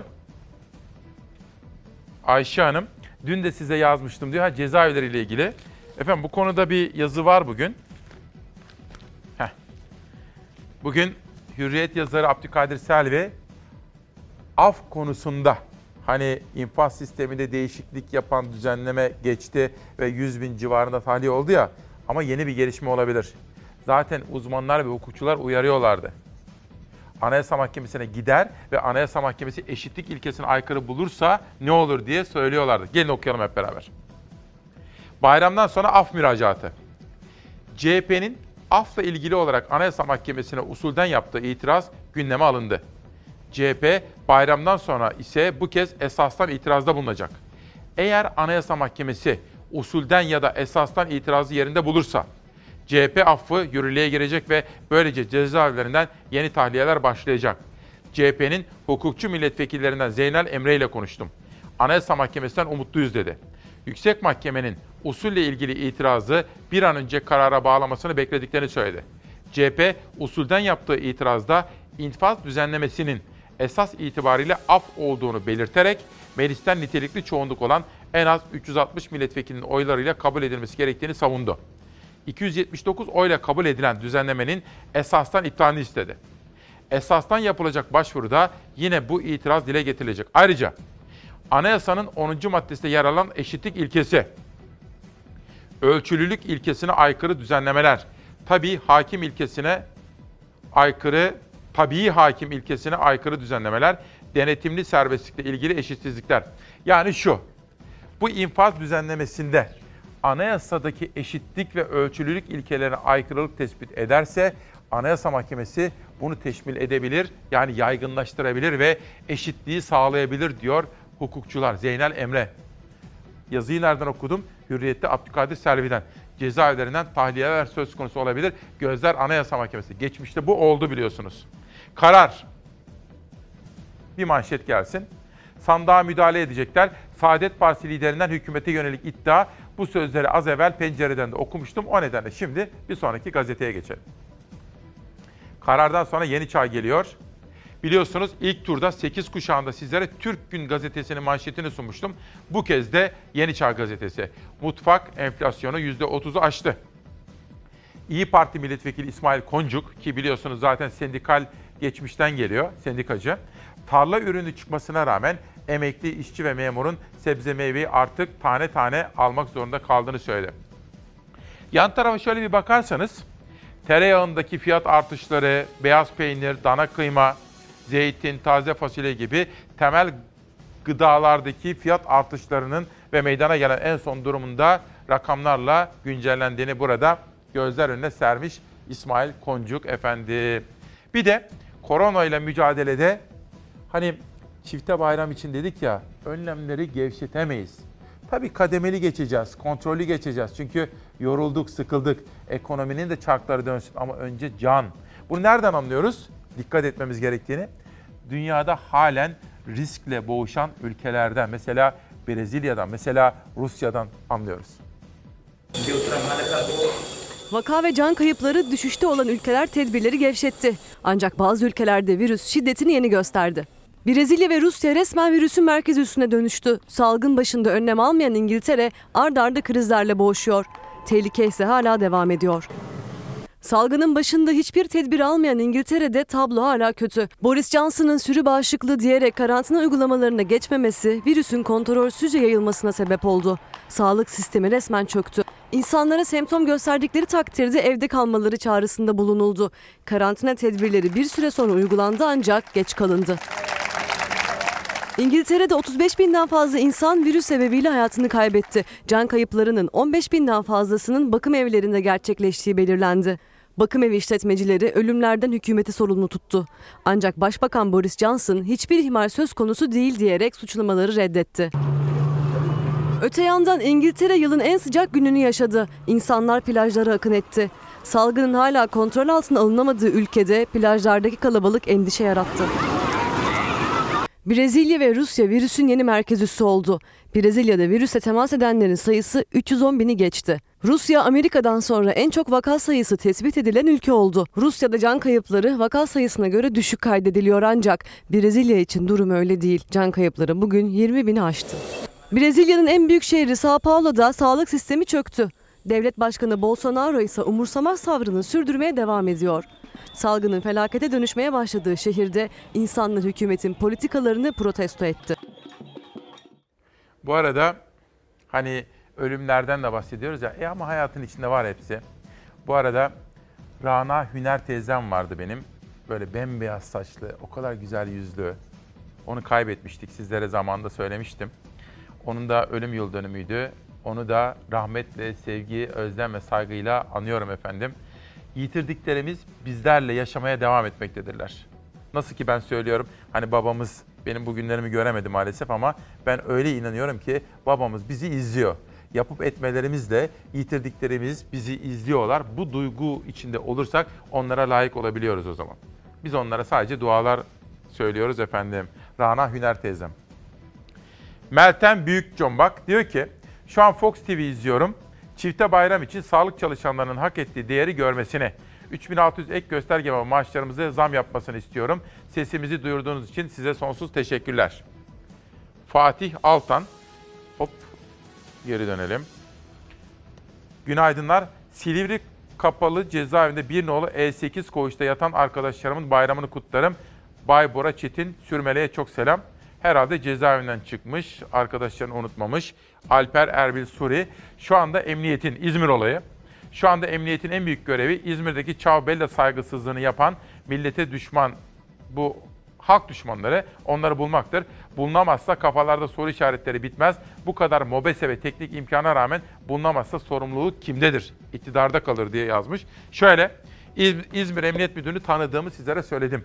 Terörle mücadelede, özellikle uyuşturucuya karşı mücadelede etkin bir isim. Zaman zaman haberlerde yer veriyorum. Şimdi onun boynunun borcudur. Hüseyin Bey kardeşim, Sayın Emniyet Müdürüm. O halk düşmanlarına bulunuz. Ha, o paylaşımı sonradan yapanlar onlar ayrı mesele. Onları bilemem. Ama asıl mesele o değil. Asıl mesele halk düşmanlarını bulup toplumun bu sinir uçlarıyla oynayan ve siyasete bu malzemeyi verenler. Onları bulunuz. Siz emniyet müdürüsünüz. Cumhuriyetin polisiniz. Onu bulunuz efendim. Kimse bunlar. Yeni çağdan dünyaya geçelim. Ekonomiye bakalım. Vergi mükellefi zor dönemeçte Hüseyin Gökçe'nin haberi. Daralma kaynaklı nakit sıkıntısı vergi cephesinde iki önemli endişeyi öne çıkardı. Yeni bir yapılandırma ile birlikte vergi barışı beklentisi oluştu. Salgın nedeniyle işletmelerin nakit akışının bozulması vergi ödeme kapasitesini de olumsuz etkiledi.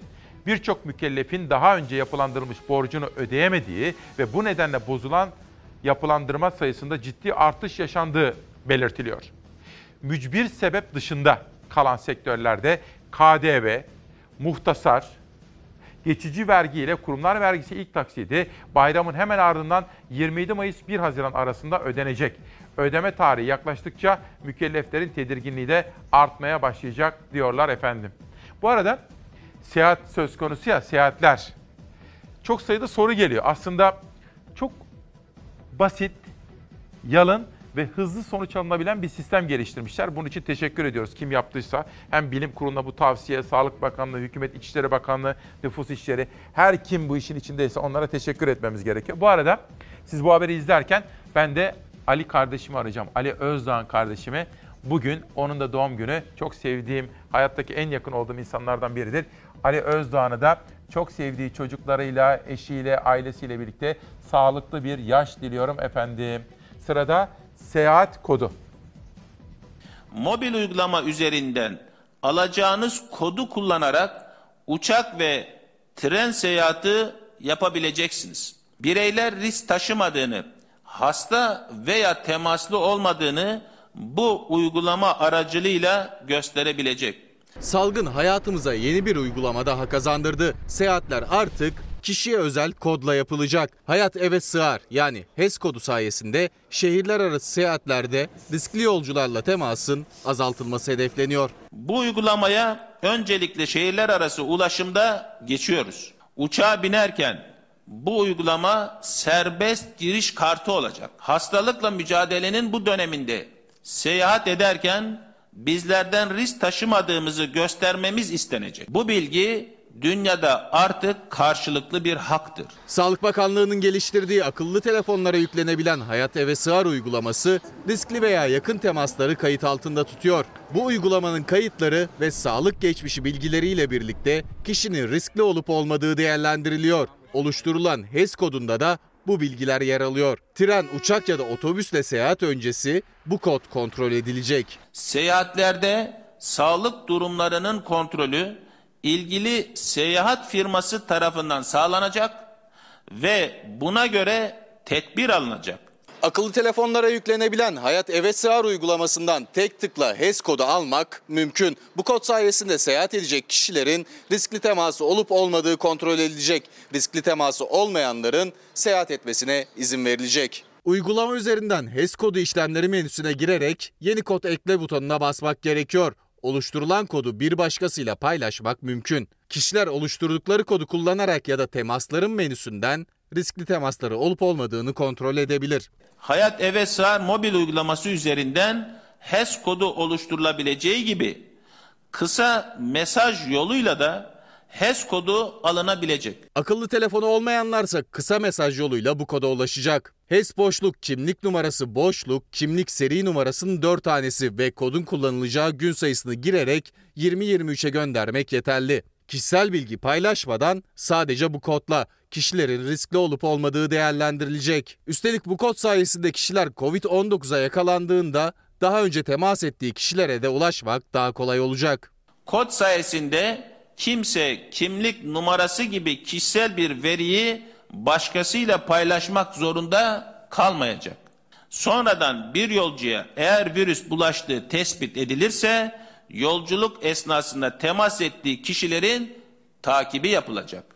HES kodu ilk olarak karayoluyla seyahatte ardından 4 Haziran'da Türk Hava Yolları'nın başlatacağı iç hat uçuşlarında kullanılacak. 10 Haziran'da ise dış hat seyahatlerinin HES kodu sayesinde yapılabilmesi planlanıyor. Bir haber var, ilgimi çekti.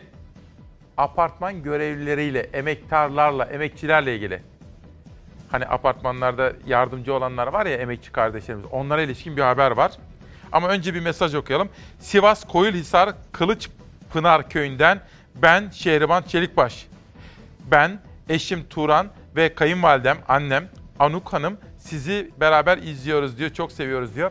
Ben de sizlerin bayramınızı kutluyorum efendim. Sosyal medyaya da bir bakalım. Bu arada Aynur da, Aynur Özdoğan da Ali'yi kutluyor efendim. Sağlıkla nice yıllar diliyor Aynur Özdoğan da.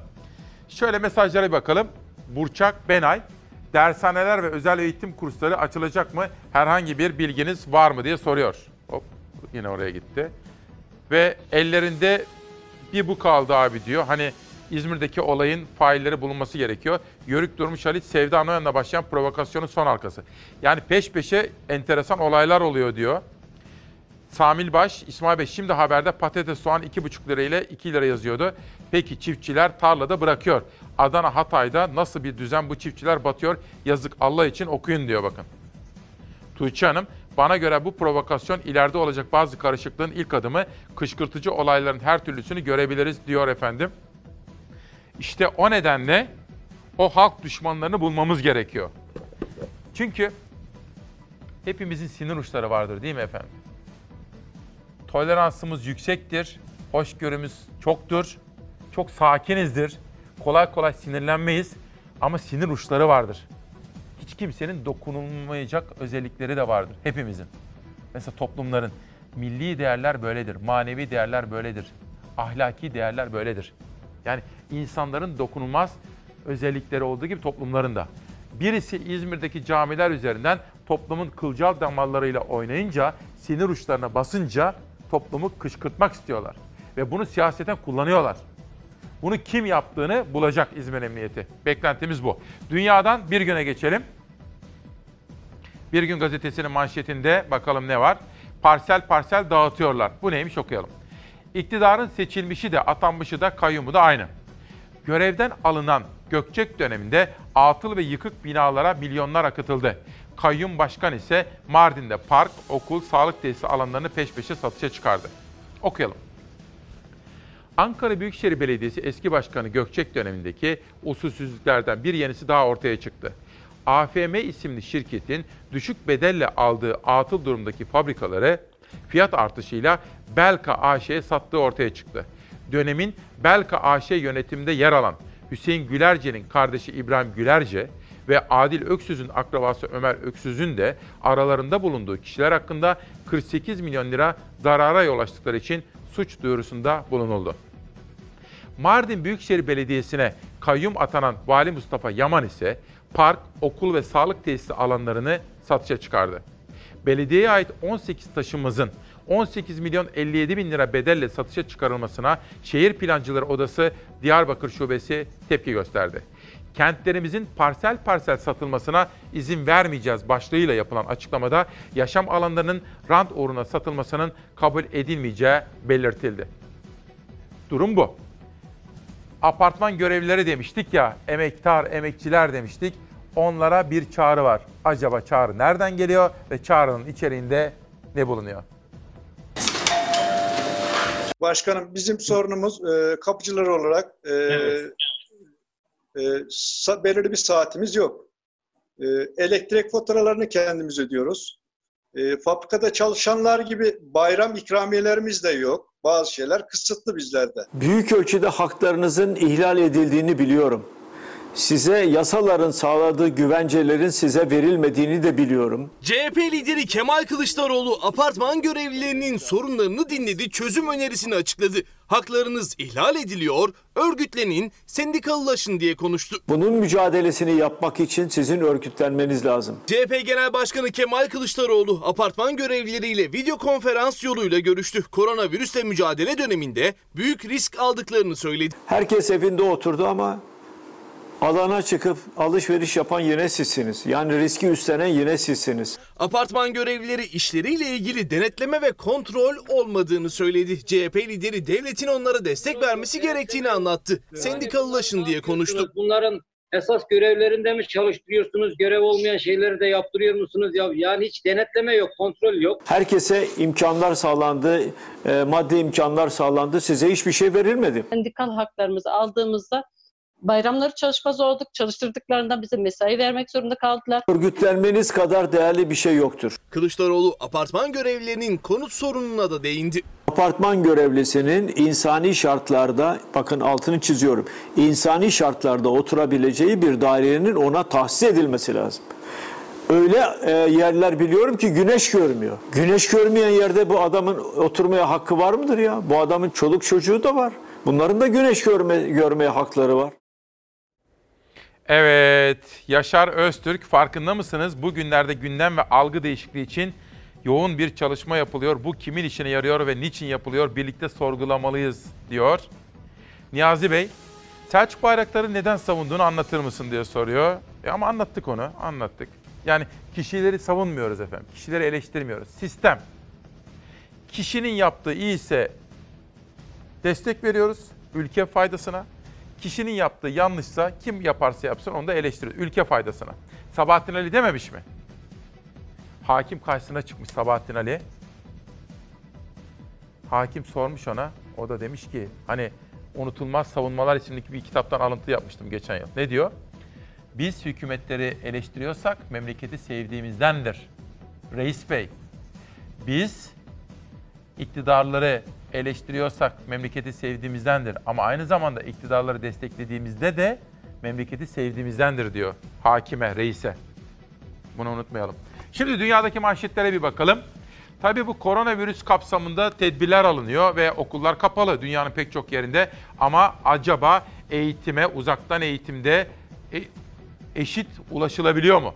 Ve 500 milyon çocuk okuldan uzaklaşmış bu durumda. Hem bu uzaklaşmış çocukların eğitimle ilgili yaşadığı manzaralar manşette Financial Times'ta hem de uzaktan eğitim döneminde fırsat eşitsizliği. İkisi de manşet olarak analizde yer almış. 500 milyon çocuk okul dışında kalmış Financial Times. İtalya'ya geçiyoruz. İtalya ikinci aşamaya geçmiş durumda. Sayfanın tam ortasındaki fotoğrafa lütfen bakınız. Burada çarpıcı bir detay sizleri bekliyor. Hemşireler az ücret aldıkları için protesto eylemi yaptılar. Bakın burada bir eylem var. Sosyal mesafe kurallarına da uyarak kendi anayasalarındaki yetkilerini de kullanarak böyle bir eylem yapmış hemşireler. İtalya'dan Fransa'ya, Le Repubblica'dan Liberasyon gazetesine geçiyorum. Burada yaşanan gelişmelerin siyasete etkilerine dair bir haber görüyoruz. Fransa'da yapılması gereken belediye başkanlığı seçimleri ertelenmişti. Şimdi acaba Haziran'ın sonunda bu seçimler yapılacak mı, yapılmalı mı? Yoksa daha da ertelenmeli mi? İşte bunun tartışması var birinci sayfada.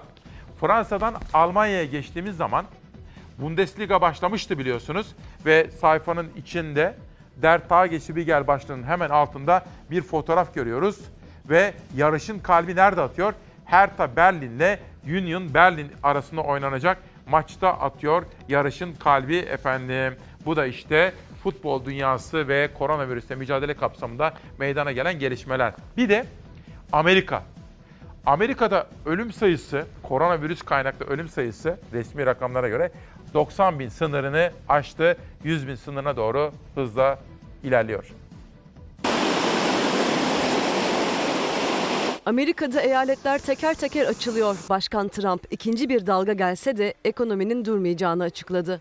Otomotiv üretim tesisinde konuşan Trump, dost düşman bütün ülkelere yardım etmeye devam edeceğiz dedi. Beyaz Saray ve Pentagon virüse karşı aşı tedavisinin tarihi konusunda çelişti. Amerika'da salgın bölgelere göre farklılıklar gösteriyor. Ülke genelinde can kaybı 96 bini geçti. 1 milyon 140 binden fazla aktif vaka var. Ancak artan protestoların ve ekonomik baskıların etkisiyle eyaletler teker teker açılıyor. Beyaz Saray bu yıl sonunu işaret etti. Virüsü tedavi eden aşı bulunmak üzere dedi. Ancak Pentagon'dan yapılan açıklamaya göre aşının 2021 yılının ortasına kadar bulunması pek mümkün görünmüyor. Pentagon aşının 2021 yazında üretileceğini öngörüyor. Öte yandan Amerika aşı için bir İngiliz ilaç firmasıyla anlaştı. Beyaz Saray'ın bu yıl içinde hazır olabilir dediği aşı için anlaşılan firmaya 1.2 milyar dolar ödenecek. Amerika'da otomotiv devleri fabrikalarında bir aydır ventilatör üretmeye devam ediyor. Trump bu fabrikalardan birini ziyaret etti. Çok muhteşem bir iş başarıyorlar diyen Trump, dosta düşmana biz yardım ediyoruz dedi.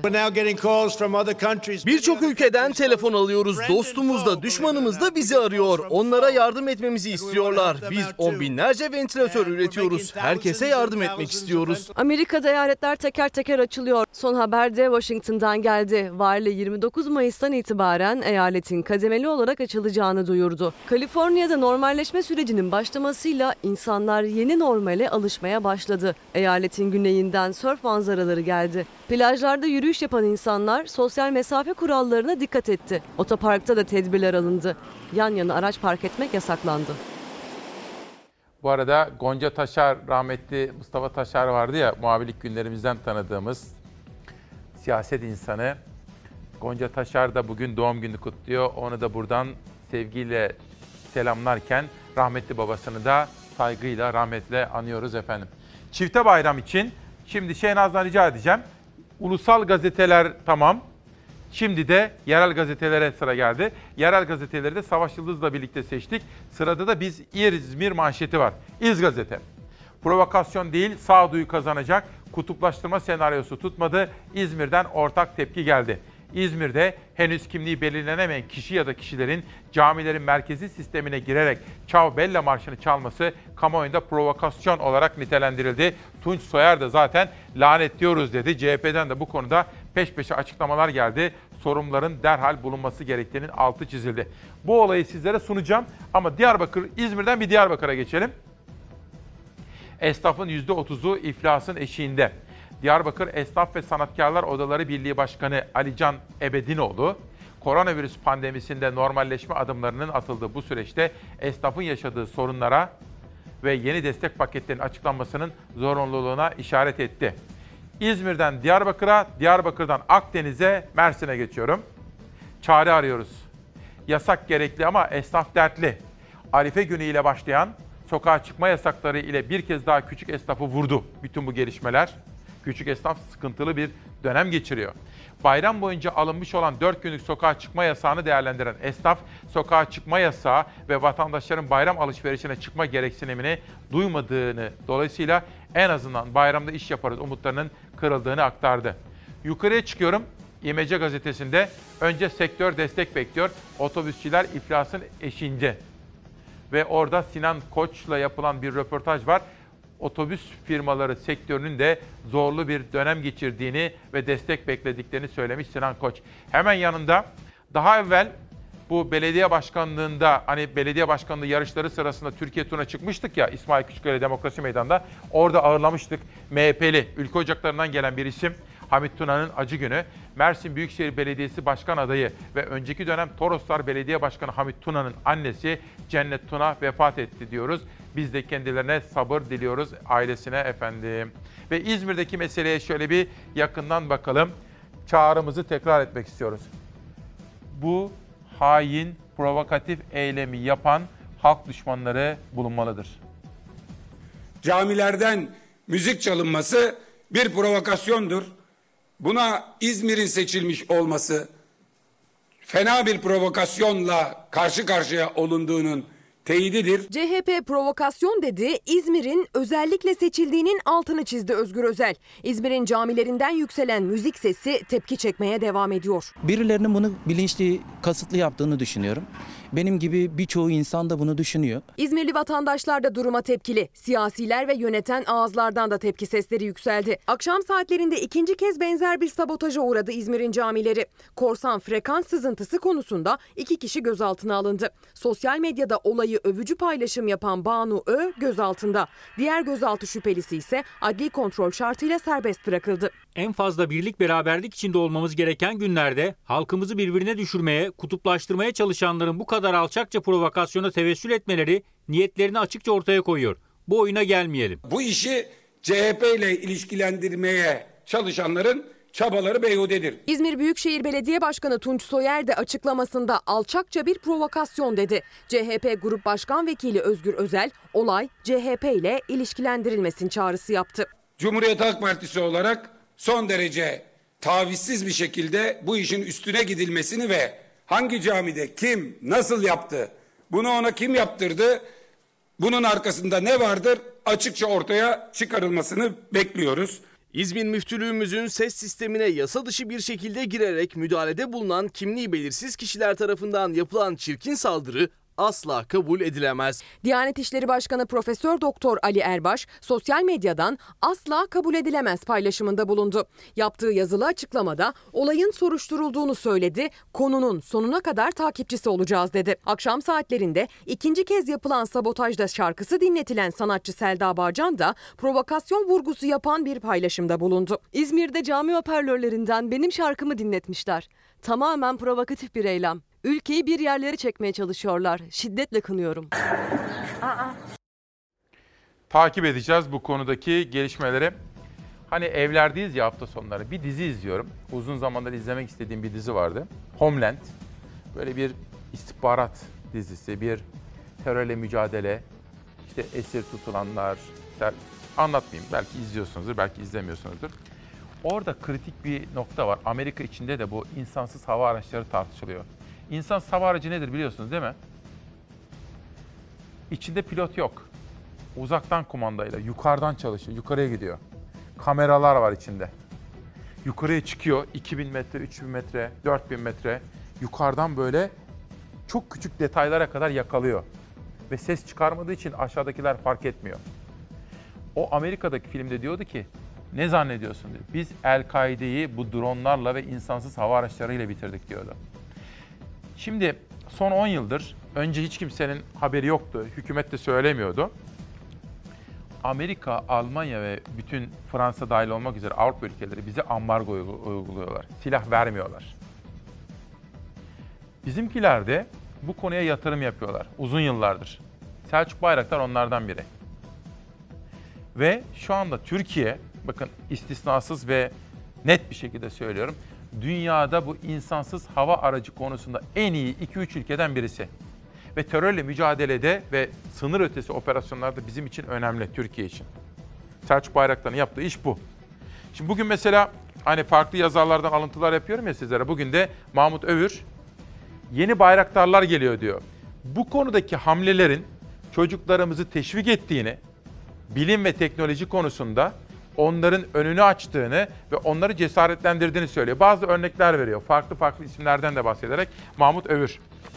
Ben aslında bu konulara girmeyecektim ama yine peş peşe sorular geldi ki bakın uzun zaman önce belki 7 belki 8 ay önce gelsin fotoğraflar. Bakın ben merak ettim bir gün aradım gittim bana zaman ayırdı. 7 saat boyunca birebir anlattı.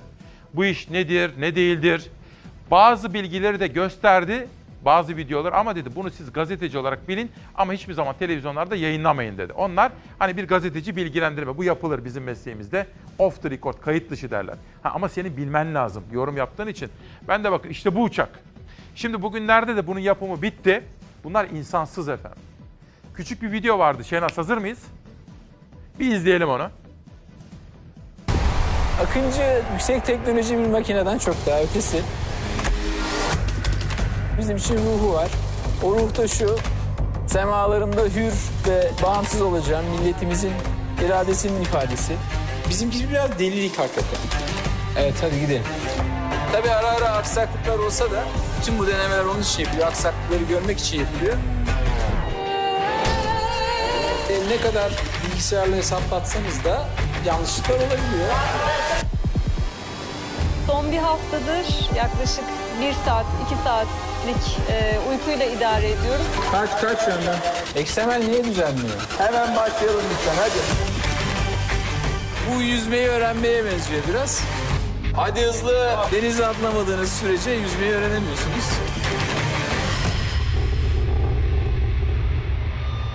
Herkes güç vermeye hazır mı? Şimdi tam haberi izlerken yönetmenim ne dedi biliyor musunuz Şehnaz? Galiba dedi bu kişinin tek suçu dedi damat olmak. Şimdi bakın o gün ben o 7 saatlik bilgilendirme içerisinde kendisine bir cümle ettim. O kalsın bende. Şöyle yaptı. Gel gör ki dedi damadım dedi. Şimdi bakın şunu söylemeye çalışacağım. Birbirimizi tanıyoruz değil mi? Ben 7 yıldır her sabah buradayım. 3 saat. Benim şu anda yönetildiğimiz sistemden çok memnun olmadığımı biliyorsunuz. Bunu ülkemizin bu demokratik kültürüne çok uygun bulmadığımı, güçler ayrılığı ilkesi, demokratik kazanımlar, ifade özgürlüğü, hukukun evrensel ilkeleri, hukukun üstünlüğü, hakim teminatı bu konularda benim kaygılarım var değil mi? Bunu biliyorsunuz. Ve mevcut bizi yöneten iktidarın da ben demokrasiye çok saygılı bir insanım ama pek çok uygulamalarından rahatsız oldum. Ülkem için kaygılandığımı biliyorsunuz. Bunlar hep size yapıcı bir dili ama net ifadelerle anlatmaya çalıştım. Ama bazı konular vardır ki tamamen memleket faydasına olup olmadığına göre değerlendirilmelidir. Bu öyle bir konu. Gittim bir gazeteci olarak belli bir mesafeyi koruyarak 7 saat dinledim. Karşımdaki kişi bana anlattı. Bu konuya adanmış o, adamış. Adam bu konuya kafayı takmış. Diyor ki arkadan başkaları gelsin diyor, çocuklar gelsin diyor, eğitim alsınlar.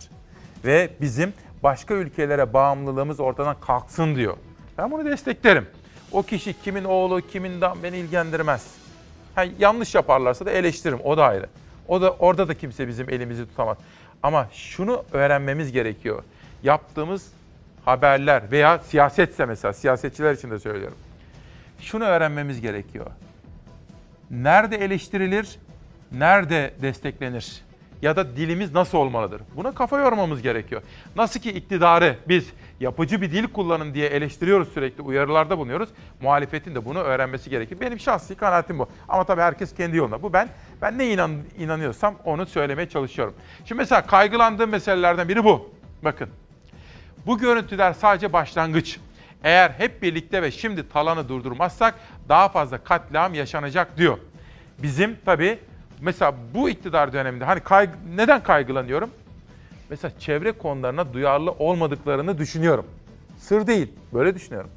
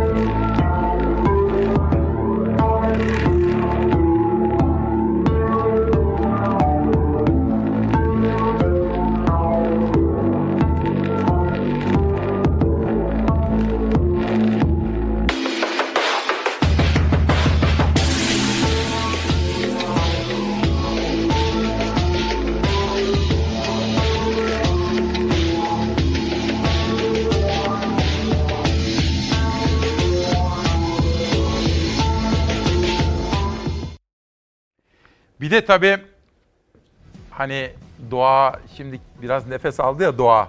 Yani şaşırıyorlardır değil mi bu mesela yunuslar, kediler, kuşlar şaşır. Ya nereye gitti bu bu insanlar? Aslında bir kelime söyleyecektim, söylemedim. Çünkü hayvanlar haksızlık. Aslında şöyle söyleyecektim. Ya nereye gitti bu hayvanlar falan diyecektim de demedim. Çünkü hayvanlar haksızlık oluyor. Doğamızı korumamız gerekiyor efendim. Söylemek istediğim bu. Kitap okumamız gerekiyor. İkinci söylemek istediğim bu. Geç kalmış mutluluk Yalın Sadak yazmış ve yollamış. Kullanışlı aletler yapıyoruz. Çocuklar için felsefe birinci kitap Özlem Yarkın. Bu bir dizi kitap. Bu kitaplardan ilkini bugün sizlere tanıtıyorum. Başka bir günde farklı bir kitabı daha tanıtma imkanı bulacağım. Doğa o kadar kendine geldi ki deniz olması gerektiği gibi balık doldu.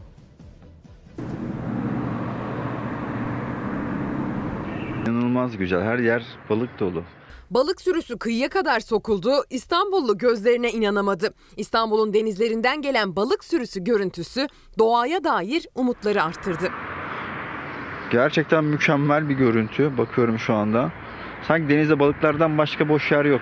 Koronavirüs tedbirleri kapsamında olta balıkçılığı yasaklandı. Sokağa çıkmak kısıtlandı. Denizde, karada, havada trafik azaldı. Sanayi kuruluşlarında üretim düştü.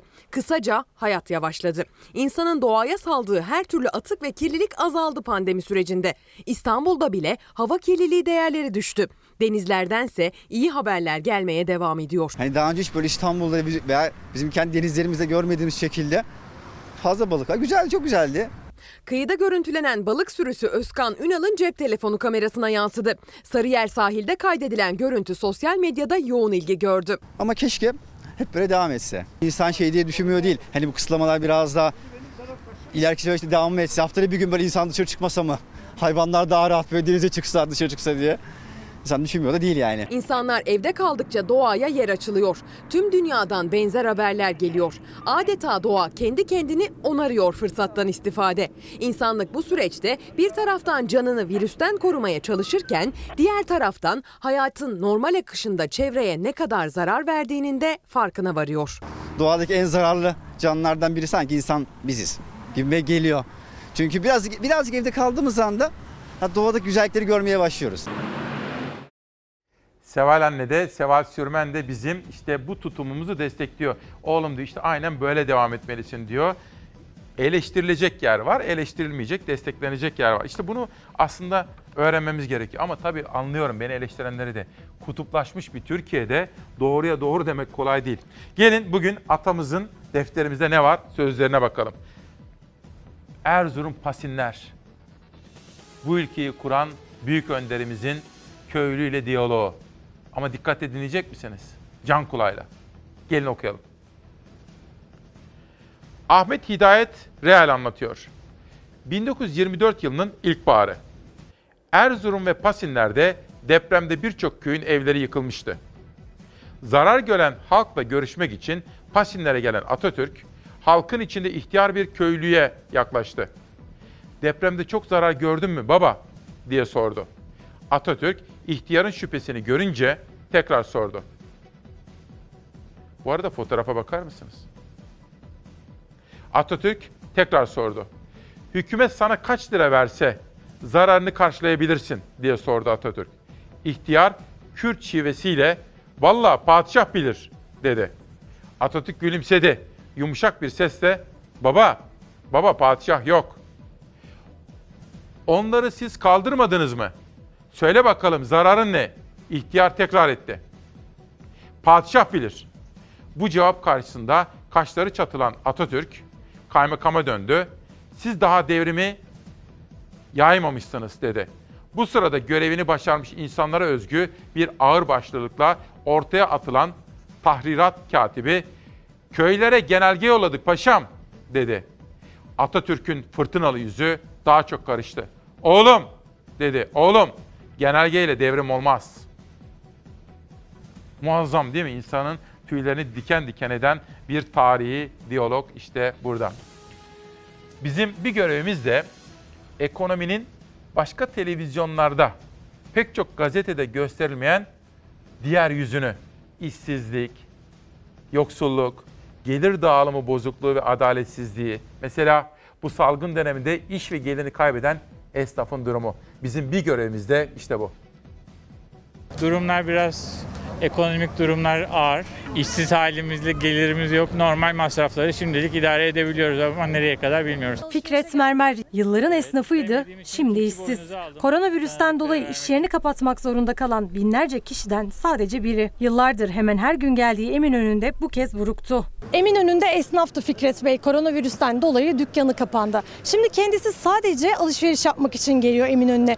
Bugün de sokağa çıkma kısıtlaması ve bayram alışverişi için burada.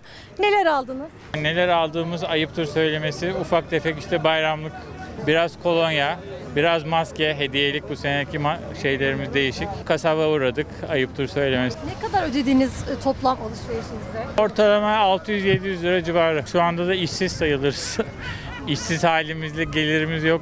Elinde avucunda kalan parayla zamanında yaptığı birikimle geçimini sağlıyor. Ve yolu oraya çıkanların birçoğu da aynı durumda. Burada esnafım dediniz. Evet. E, iş yeriniz açık mı şu anda? Maalesef kapalı. İki ay oldu kapalı. Restoran sahibiyim ben. Ekonomik yönden çok etkilendik. Kiralarımız devam etti. Giderler devam etti. En çok etkilenen bölge Eminönü bölgesi. Bayram diye bir şey kalmadı maalesef. Yani insanlarda bayramı kutlayacak ne bir hali var ne bir şey var bu sıkıntıdan dolayı. Bayram sadece yani hali vakti yerinde olanlara geçerli olacak bence. Bizim gibi normal vatandaşlar için bayram diye bir şey yok yani. Torbamızda sadece çay var. Bir kilo çay aldım. Maalesef fiyatlar eskisinden daha da yükseldi. Çünkü insanlar bir alışverişe girdiğinde artık fiyatlara da bakmaz oldu bu telaş eden.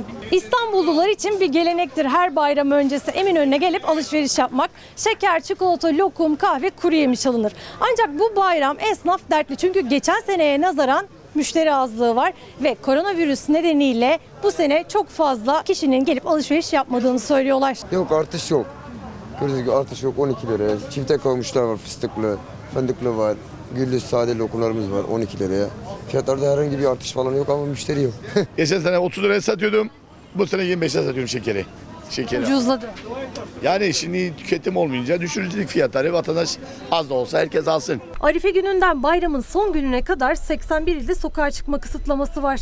Herkes evlerinde olacak. Yine de bayram geleneğini sürdürmek isteyenler az da olsa yaptı alışverişlerini. Çocuklar eğlensin diye bayram şekeri alacağım. Yani e, sonuçta bir bayram. Her şeyler pahalı. Yani pek bir şey alamadık koronadan önce. Daha uygundu. Şu an iki katı diyebilirim her şey. Bütün listeyi alamayacağız.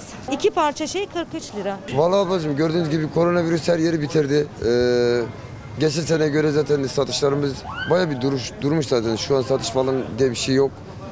Ee, nerede eski bayramlar diye şey yapıyoruz. Reklamlara gitmeliyim. Biraz nefes almalıyım. Terasa gidip böyle yerin derim. Sonra editörümle, Zeray'la ve danışmanım Nihal'le konuşmalıyım. Ve yepyeni sürprizlerle, haberlerle, sürprizler de var. Devam etmeliyiz. Ama tabii siz benimle birlikte kalacaksınız. Bir Haydar Ergülen şiiri ister misiniz? Haydar Ergülen de benim çok sevdiğim mavi şairlerden biridir. Diyor ki, kalbe gelen her şey, kalbe gelen her şey sensin. Senden her şey hemen kalbe geliyor. Gözlerime bakıyorsun, duyuyorum. Bakışların hemen kalbe geliyor. 22 Mayıs 2020 Cuma sabahından günaydın. Bir kere daha günaydın efendim. 10.45'e kadar devam edecek. Bu bölümü de ayrı seviyorum. Her bir bölüm ayrı. 7.45'te günaydın derken ayrı. Sonra 8.30'dan itibaren ayrı. 9'da ayrı ve burada 10.45'e kadar ayrı. Duygularım böyle hep değişiyor. Kalbe en yakın gelen ağaç hangisidir diye soruyor. Şair Haydar Ergülen. Sizin kalbiniz niye mavi diye de soruyor. Şu andan itibaren yepyeni haberlerle devam edeceğim ve Şeynaz görevi Savaş Yıldız'a devretti. Biz haber yolculuğumuza devam ediyoruz efendim. Beyaz eşya sektörünü yakından ilgilendiren bir haberle başlıyoruz. Koronavirüs pandemisi beyaz eşya satışlarını vurdu. Beyaz eşya ihracatı geçen yıla göre %49 azaldı. İç satışlar %11 geriledi. Üretici iş ticaretin canlanması için ÖTV indirimi istiyor. %18'i sıfırladığımız zaman örnek vereyim 3000 liralık bir üründe 462 liralık bir avantaj sağlayacaktır. Türkiye'nin önemli ihracat kalemi beyaz eşya satışı. Başta Avrupa olmak üzere dünyanın dört bir yanına beyaz eşya ihraç ediyor Türkiye. Koronavirüs salgını nedeniyle ülkeler sınırlarını kapattı. Küresel ticaret virüs yüzünden ağır darbe aldı. Uluslararası ticaretin daralmasından beyaz eşya ihracatı da nasibini aldı. Derin dondurucu almak istiyordum. Erteledim şimdilik. Türkiye Beyaz Eşya Sanayicileri Derneği açıkladı ihracat ve iç satış rakamlarını. Verilere göre buzdolabı, çamaşır makinesi, bulaşık makinesi ve fırından oluşan 4 ana üründe iç satışlar Nisan ayında %14 düştü. İç pazarda 405.123 adet satış gerçekleşti. Nisan ayında buzdolabı, çamaşır makinesi, bulaşık makinesi ve fırın ihracatı da daraldı. 4 ana üründe ihracat %52 geriledi. Sadece 732.123 adet satış gerçekleşti. Derin dondurucu ve kurutucunun da dahil edildiği 6 ana ürün bazında ise iç satışlar Nisan ayında %11 düştü. 6 üründen 549.752 adet satıldı. Buzdolabı, çamaşır makinesi, bulaşık makinesi, fırın, derin dondurucu ve kurutucu ihracatı Nisan ayında %49 düşüşle 847.367 adet oldu. Beyaz Eşya Sanayicileri Derneği Başkanı Can Dinçer, salgının sektör üzerindeki etkilerinin azaltılması için devletten ÖTV sıfırlanması başta olmak üzere destek beklediklerini belirtti. Size bir soru soracağım. Aslında dünün sorusu fakat bugüne de yansıyor. Çünkü elimde hem Sözcü hem Sabah gazeteleri var. Ekonomi sayfalarından bir haber ama önce bir soru. Sizce Türkiye'yi ithalat cenneti haline kim getirdi? Evet evet. Mesela biz bir ithalat cenneti olduysak, yani her şeyi yurt dışından alıyorsak böyle sürekli getiriyorsak bu ne zaman olmuştur ve bunu kim yapmıştır diye bir soru. Dün bütün siyasi partilerden iktidarıyla muhalefetiyle bu konuda açıklamalar geldi. Siz ne düşünüyorsunuz? Kim? Bakın. İki tane gazete. Biri Sözcü, biri Sabah. Salgının gelişen ülkelere faturası ağır olacak. Türkiye kötüye gidiyor diyen Dünya Bankası yeni başkan yardımcısı Carmen Reinhardt, yoksulluk, sermaye çıkışları ve emtia fiyatlarındaki düşüş nedeniyle salgının gelişmekte olan ülkelerdeki maliyetinin ağır olacağını söyledi. Reinhardt, Türkiye, Güney Afrika ve Nijerya kötüye gidiyor dedi. Ancak böyle düşünmeyenler de var. Böyle düşünmeyenlerin başında ekonominin patronu Hazine ve Maliye Bakanı Berat Albayrak geliyor. Berat Albayrak iyimser bakıyor meseleye. Yeni bir başarı hikayesi yazacağız diyor efendim. İki gazete, iki farklı bakış açısı ama şimdiki soruya siz yanıt vereceksiniz. Türkiye'yi ithalat cenneti haline kim getirdi? Artık ithalat eskisi gibi kolay olmayacak. Birileri Türkiye biliyorsunuz ithalat cenneti yapmaya çalıştı. Ya damat bu rakamlardan bir haber bilmiyor ya da milletle alay ediyor veya kayınpederine laf çakıyor. Bir damat kayınpederini eleştirecekse bu kadar aleni yapmamalı bu işi. Ev içinde konuşun. Ele güne rezillik olur. 18 yıldır kim yönetiyor? İsmet Paşa mı yaptı bunu? CHP zihniyeti mi yaptı? Hazine ve Maliye Bakanı Berat Albayrak ithalatın artık fren yapacağını söyledi. Sözleri önce muhalefet cephesinde 18 yıllık iktidar hatırlatması ve rakamlarla yankılandı. İthalat rakamlarına baktığınızda son 18 yılda yapılan ithalat miktarı onlardan önceki yapılan ithalatının birkaç kat. Helal olsun Sayın Berat Albayrak. Geçmişine ait öz eleştiride bulunmuş. Kendisini tebrik ediyorum. İthalat tamamının %75'i bu son 15-20 senelik e, dönemde gerçekleşiyor. İthalat cennetine döndürmede 5 kat artış var. Berat Bey, kayınpeder yaptı bunu. Türkiye'nin 2020 Nisan ayı ithalat rakamı %28'lik azalışla 12 milyar 957 milyon dolar, ihracatı ise 8 milyar 993 milyon dolar olarak gerçekleşti. 2019 yılını ise Türkiye 171 milyar 531 milyon dolarlık ihracat, 202 milyar 705 milyon dolarlık ithalatla kapatmıştı. Yerli üretimin dünya ile rekabetini tüm politikalarımızda artık daha da önceleyeceğiz stratejik ve ülkemizde üretim imkanı olmayan ürünler haricinde artık ithalat eskisi gibi kolay olmayacak. Gürcistan'dan saman ithal edip Arjantin'de ithal ettiğimiz Angus sığırlarını besledik. Burada besicilik dedik. Şimdi 800 kalem mala gümrük vergisi getirdiler. Para bitmiştir. 4 milyar e, Nisan ayında dış ticaret açık verdiğinizde e, artık buna rezervlerin yetmeyeceğini anlamış olup e, ithalatı kısmaya çalışıyor olabilir misiniz? Bakan Albayrak yeni ithalat politikasını Türkiye Odalar ve Borsalar Birliği'ne bağlı 365 oda ve borsa başkanıyla 61 sektör meclis başkanıyla yaptığı toplantıda açıkladı. O toplantıda destek rakamlarını da verdi. 180.933 işletmemize 145,6 milyar liralık işe devam desteği yansımanı sağladı. Verilen desteklerin tutarı 252 milyar TL'yi aştı. Bunun içerisine eğer ötelenen kredileri koyarsak, vadesi gelen ana para faiz ödemeleri koyarsak yaklaşık bu rakam 350 milyarı geçiyor. Çarpan etkisine baktığımızda yaklaşık 600 milyar TL'yi geçen bir rakama ulaştığımızı söyleyebiliriz. Durum harikadır. İstediği rakamı vermektedir. İnanan inanmaktadır. Çarpıyorsun, bölüyorsun ama bu mağdur vatandaşın derdine en ufak bir çare olmuyorsun. Ekonomi tartışmaları sıcaklığını korurken Merkez Bankası da faiz kararını açıkladı. 50 bas puan daha indirim yapıldı faiz oranında. 8.75'ten 8.25'e çekildi. Ülkemizin gerçeklerini olduğu gibi duymak ama umudunu korumak isteyenler yani Çalar Saat ailesi Meltem Hanım, Meltem Kazaz ve Çiğdem Toktay da bize bu konudaki duygularını yazmışlar. Yani ne istiyorlar? Bizim yapmaya çalıştığımız gibi bizi cesaretlendiriyorlar. Ülkenin gerçeklerini duymak, haberlerin saklanmaması ama yapıcı bir dille umutla vermemizi istiyorlar diyorum. Şimdi efendim bir bilgi vermek isterim. Bugün kameralarda Mümin kardeşim ve İsmail kardeşim bana yardım ediyor. İsmail adaşım. Dedi ki abi dedi esnaftan yoğun olarak şikayet geliyor. Ne diyorlar dedim ev sahipleri insaflı davranıyormuş. İş yerleri için. Sizin dükkanınız kapalı, bu ay kira vermeyin, gelecek ay kira vermeyin gibi. Ya da bazıları yarı yarıya alıyorlarmış mesela. Ama devletimiz bizden stopaj alıyor diyormuş esnaf.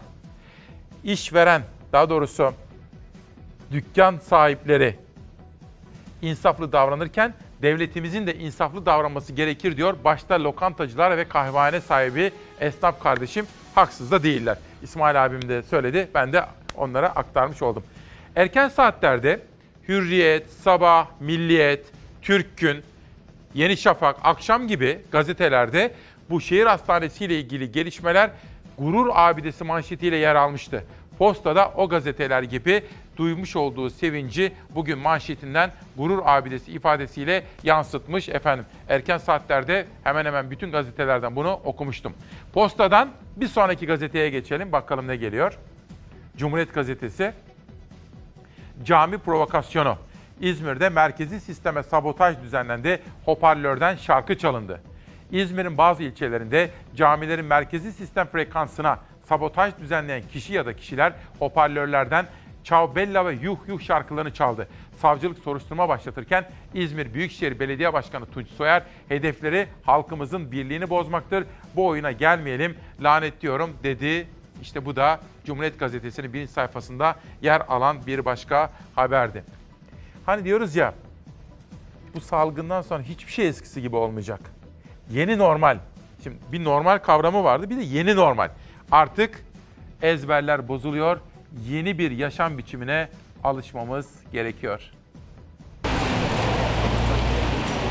Avrupa'da virüsün hafif seyrettiği birçok ülkede tedbirler gevşedi. Kafelerden restoranlara, sinemalardan tiyatro salonlarına kadar işletmeler kapılarını açtı. İspanya ve İngiltere'de plajlar doldu. Kalabalık tehlikeyi beraberinde getirir mi endişesi başladı. Avrupa'da salgının en şiddetli görüldüğü ülkelerde yeni vaka sayıları düşük seyrediyor. Salgının kontrol altına alındığı ülkeler tedbirleri kademeli olarak gevşetiyor. Her kalkan kısıtlama beraberinde yeni normal denilen düzenin bir parçasını getiriyor.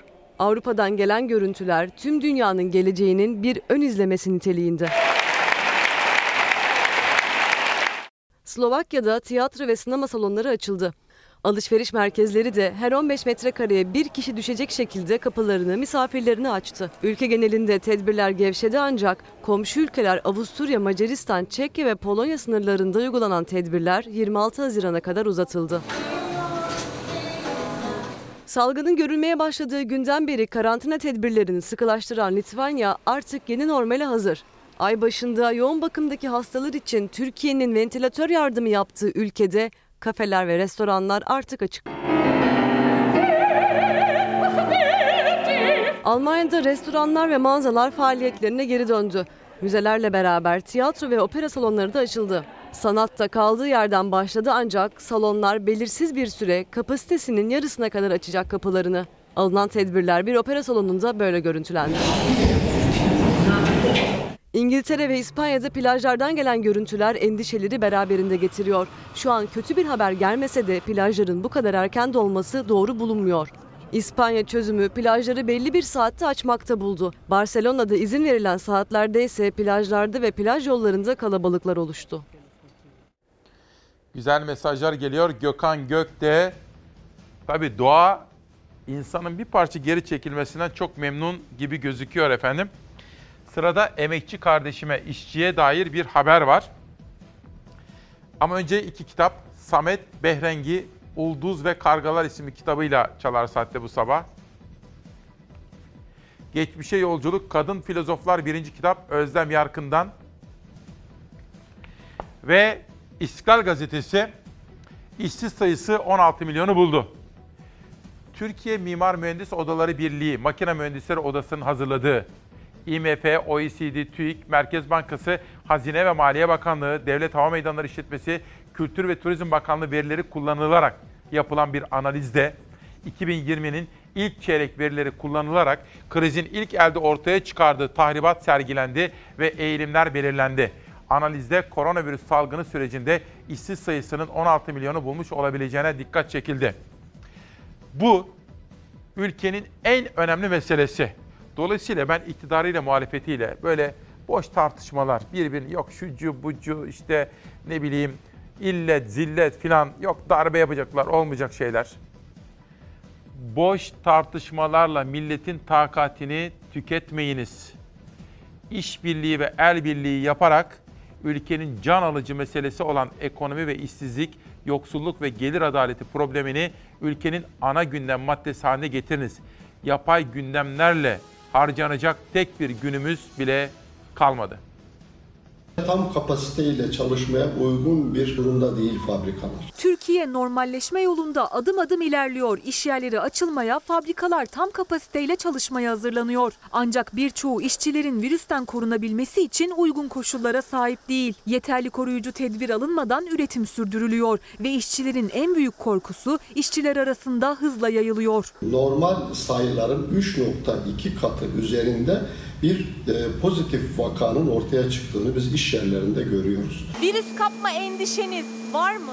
Evet tabii ki de var efendim. İster istemez toplum alanlarda olduğumuz için virüse şeyimiz olabilir. Türkiye'de salgına rağmen fabrikalarda üretim devam etti ve üretimin en önemli kolu olan işçiler bu süreçte salgın riskiyle karşı karşıya çalışmak durumunda kaldı. Normalleşme sürecinde fabrikalar ve iş yerleri tam kapasite üretime geçmeye hazırlanıyor ve bunun için almaları gereken bazı önlemler var. Yemekhaneler, servis araçları, dinlenme alanları işçiler arasında virüsün yayılması açısından büyük risk taşıyor. Birleşik Metal İş Sendikası'na göre Türkiye salgın sürecinde üretimi tam kapasiteyle sürdürecek durumda değil. Bu konuda Avrupa'yı örnek verdi. Maskelerini e, mutlaka takıyorlar. 1,5-2 metre aralıklı mesafelerle çalıştırılıyor. Testler yapılarak pozitif veya negatif olma durumu da e, ölçülüyor. Şu an peki bu fabrika tam kapasite çalışıyor mu? Şu an tam kapasite çalışıyor. Ama mesafe olduğundan dolayı bazı makineleri kapatmak zorunda kaldık. 30 tane makine varsa bunu 15'e düşürdük. Bir servis arabacına 15 kişi biniyordu. E şimdi 7 kişiye düşürdük. Birbirimizle temas etmeden çalışmaya çalışıyoruz. Bu fabrikanın yemekhanesinde salgın öncesinde masalar birbirine daha yakın ve işçiler 4 kişilik masalarda birbirleriyle yakın olarak yemeklerini yiyorlardı. Ancak salgın başladığı gün oturma düzeni değişti. Sandalye sayısı ikiye düşürüldü. İşçilerin sosyal mesafe kuralına uymaları için yerlerde sırayı beklerken durmaları gereken çizgiler var. Aynı zamanda daha önceden açık olarak servis edilen ekmekler, sular, kaşık ve çatal gibi malzemeler artık paketlere girdi ve işçilere bu şekilde servis ediliyor. Sürekli maskelerimiz yenileniyor, maskeler dağıtılıyor. Bu sürekli başımızda oluyor. Onlar Türkiye'de salgın sürecinde çalışmak zorunda olan işçilerin sadece küçük bir kısmı ve ne yazık ki diğerleri onlar kadar şanslı değil. Ücretsiz izin asla kullandırmadık. Ve ben kendilerine de bir söz verdim. Ne olursa olsun biz beraber kader birliği yaptık. Kesinlikle sizleri maaşınızı yatıracağım diye söz verdim. Ankara'dan tarım, çiftçi, üretici ve dayanışmaya dair bir haber sizlere aktaracağım. Ama izin verirseniz bir günü, bir hafta hatta Ramazan'ı bitiriyoruz yarın Arife. Bir teşekkür etmem gerekiyor ve ben şahsım İsmail Küçüköy olarak kanalım, Doğan Şentürk yönetimindeki Fox Haber ve Cenk Soner Genel Müdürümüz, yönetim kurulumuz her birinin sizlere şimdiden bayramını kutladığına dair mesajımı aktarmak isterim mesajlarını. Zeray Kınacı'yla yaptık. Sabah haberlere baktık editörüm. Hemen karşısında Ezgi var. Ezgi Gözeger. Haberlerini izlediniz. Çok çalıştık. Bu koronavirüs zamanında daha fazla çalıştık. Hemen yanında Beyza Gözeyik var. Dünyadaki gelişmeleri dikkatle takip etti. Onun karşısında Zafer Söken var. Savaş Yıldız kardeşim. Bugün Şehnaz'la Savaş yönetmen koltuğunda da devir teslim yaptılar. Bugün sesçimiz Turgay. Az evvel kameraman arkadaşlarım söyledim. Rejideki her bir arkadaşıma teşekkür ediyorum. Kurgu servisinde bugün Gürol Kraman var. Recep Aydın var. Onlara ne kadar teşekkür etsem hazır. Doğan Şentürk ve Fox'un gücü arkamızda. Ve Nihal Kemaloğlu dün uzun uzun gündem çalışmasını yaptık. Yayın sırasında da beni dışarıdan asiste ediyor. Nihal'e de çok teşekkür ediyorum. Bayramınız kutlu olsun diyoruz. Zaman ne kadar çabuk geçiyor değil mi? Ama şunu da söylemek isterim. Bayramın ikinci günü pazartesi ve bayramın üçüncü günü salı da yine İsmail Küçükköy Demokrasi Meydanı'nda haberlerden haberdar olmaya devam edeceksiniz. Çalışacağız efendim. Kuş ölür sen uçuşu hatırla diyor. Bakın Reyhan Çizer Kal yazmış. İçinde de bir not göndermiş bana sağ olsun. Teşekkür ediyorum. Reyhan Çizer Kal'a bu kitabı için sağ olsun. Şimdi de bazı görseller üzerinden dünden bugüne yansıyan manşetlere şöyle bir bakalım. Bence çok önemli. Ahmet Davutoğlu'nun yapmış olduğu açıklamalar diyor ki benden kukla başbakan olmamı istediler ama ben bunu kabul etmedim. Benim kişilik ve karakterim kukla başbakan olmamı engelledi. O nedenle benden benimle yolları ayırmak zorunda kaldılar diyor. Kukla başbakan olmamı istediler ve o tarihte hiç de istemeye istemeye anayasa değişikliğine oy vermek zorunda kaldım. Bugün olsa oy vermezdim diyor Ahmet Davutoğlu. Bence tarihe geçecek bir açıklama. Ali Babacan, biz dedi çok iş yaptık ama az konuştuk. Şimdikilere bakıyorum da dedi, iş yapmıyorlar ama çok konuşuyorlar. Onlara tavsiyem konuşmasınlar, iş yapsınlar dedi. Ali Babacan da aslında muhalefetin dozunu ve sesinin tonunu yükseltmeye başladı iki partinin ayrı genel başkanı. Bu sözleri bugün 7 ayrı gazetede birinci sayfada gördüm. Saadet lideri Temel Karamollaoğlu seçimlere müdahale edilecek, Geçen seçimde de seçimlere müdahale ettiler. Şimdiden Türkiye'yi uyarıyorum diyor bu sözleriyle bugün başta karar olmak üzere, pencere olmak üzere pek çok gazetede haber olmuş. Bir de tabii ilgi çekici bir tartışma var. Biliyorsunuz Cumhur İttifakı hem AK Parti ile MHP ancak MHP'nin sözünü esirgemeyen bir ismi var. Cemal Engin Yurt. Ordu'da bir tartışma. AK Partili Belediye Başkanı Hilmi Güler'le bakın Yeni Çağ Gazetesi AKP ile MHP birbirine girdi. Bu hamur daha çok su götürür diyor. Hemen yanında Ordu MHP Milletvekili Cemal Engin Yurt'un açıklamaları. AK Partili Ordu Büyükşehir Belediye Başkanı Hilmi Güler'e sert sözlerle yüklendi.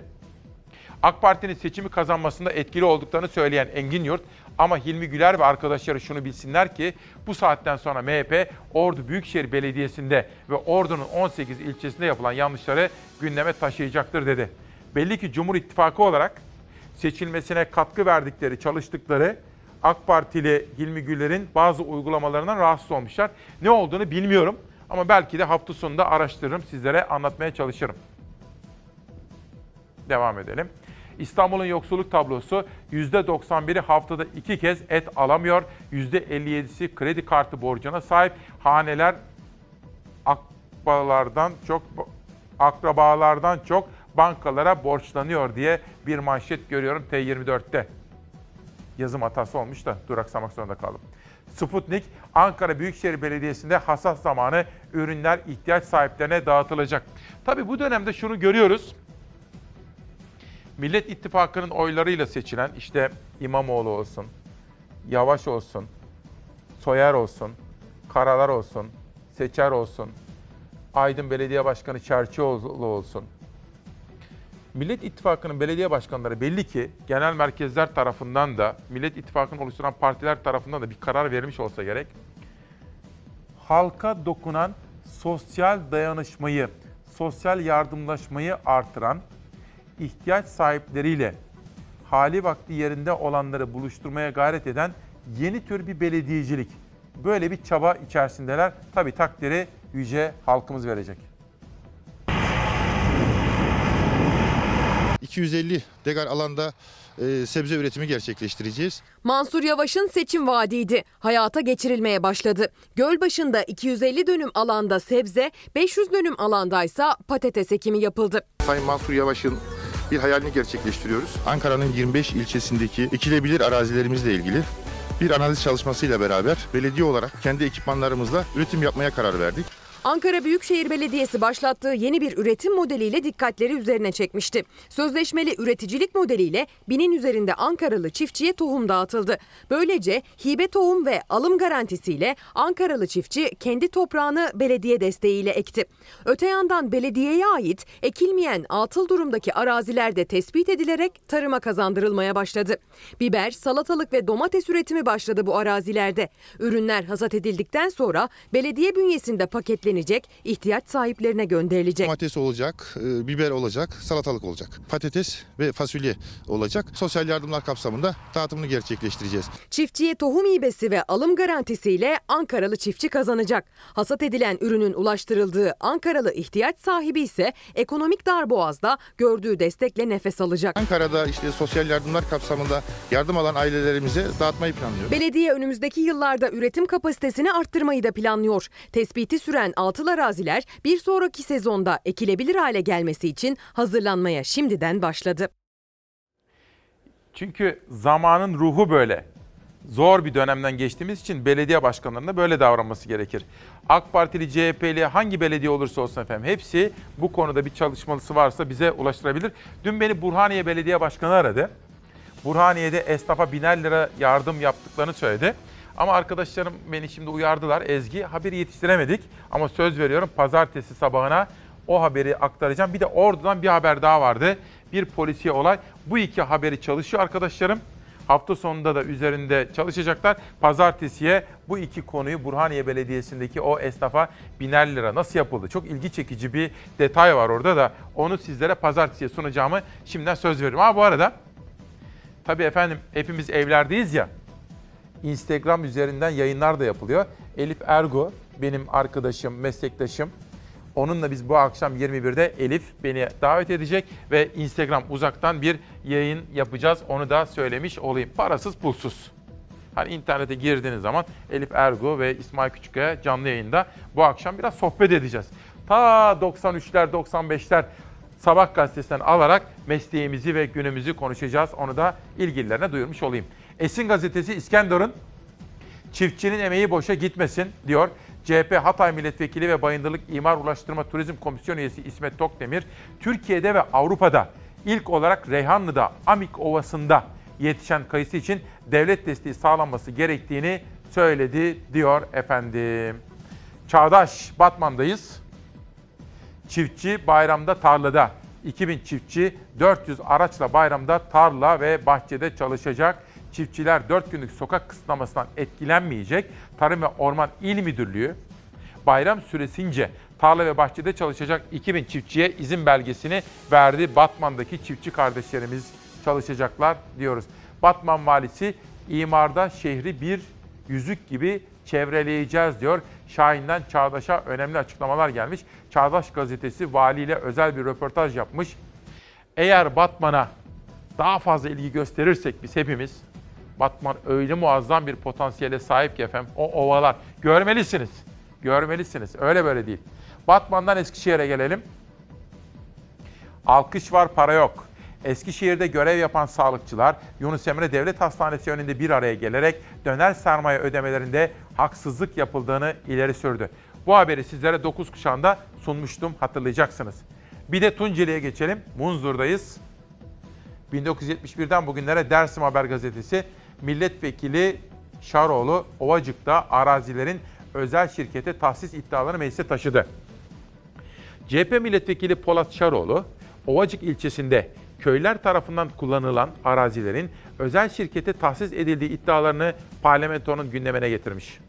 Ovacık ilçesi Köseler Köyü sınırları içinde bulunan 508 ve 510 parsel numaralı 2 milyon 900 2 milyon 97 bin 700 metrekarelik alanın irtifak hakkı verilmek suretiyle özel bir firmaya 49 yıllığına tahsis edildiğine ilişkin iddiaların basında yer aldığını belirten Şaroğlu konuyla ilgili olarak meclise soru önergesi sundu diyor gazetenin haberinde. Dün ilgimi çeken bir haber oldu. Hemen Zafer Söken'e linkini yolladım, araştırdı ve haberleştirdi. BDDK bir karar aldı. 100 gram ve üzerinde altın alanlar için bir günlük valör uygulaması başladı. Acaba bu ne demekti?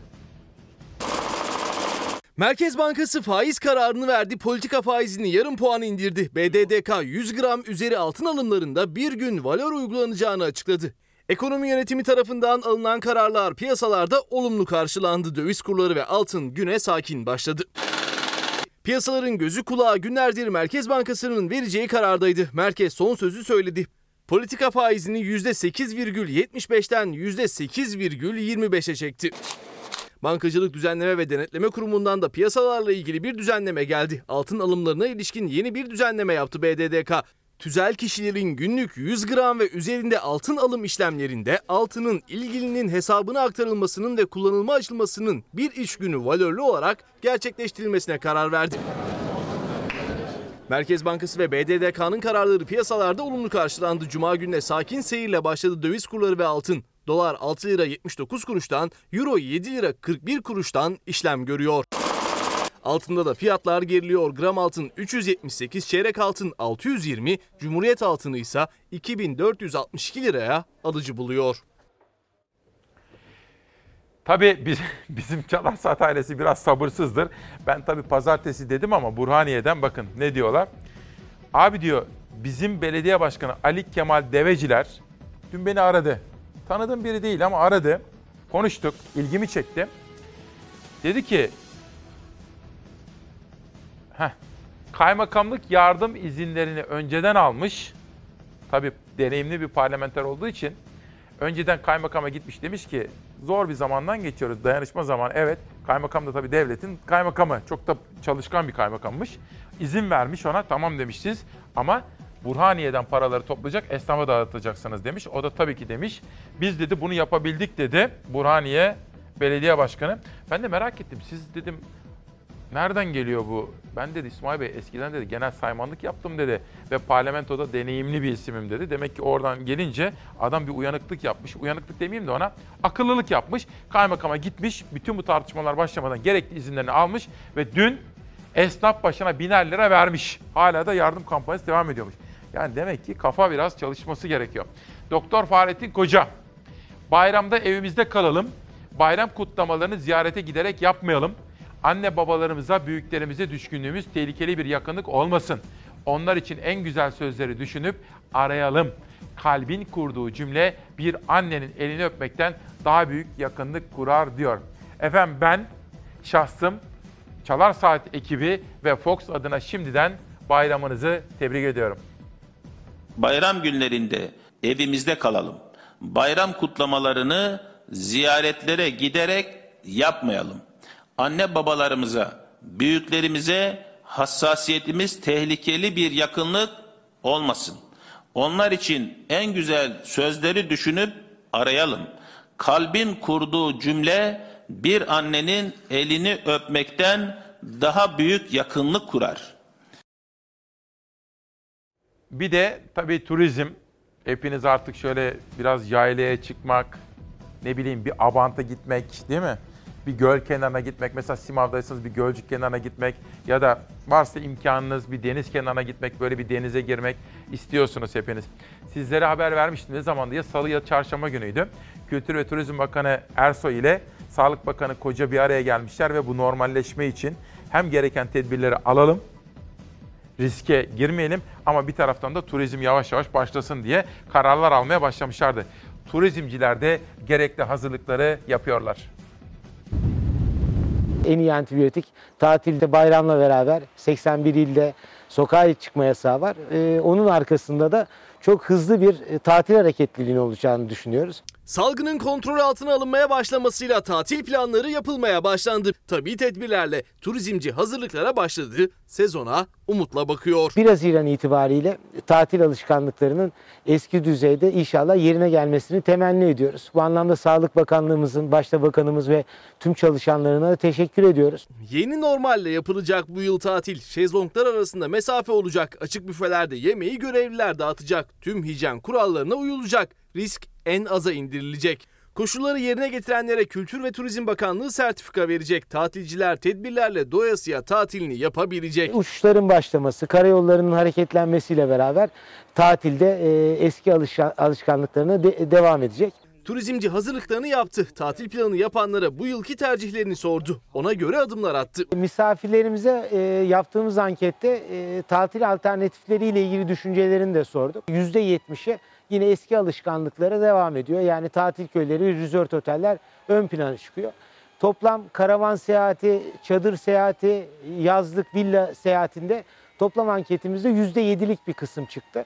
Ki bu geçen seneki oranlarla hemen hemen paralel ilerliyor.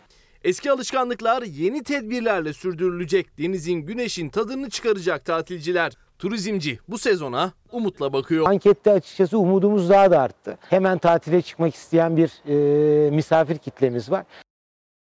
Turizmle ilgili gelişmeleri de dikkatle takip ediyoruz.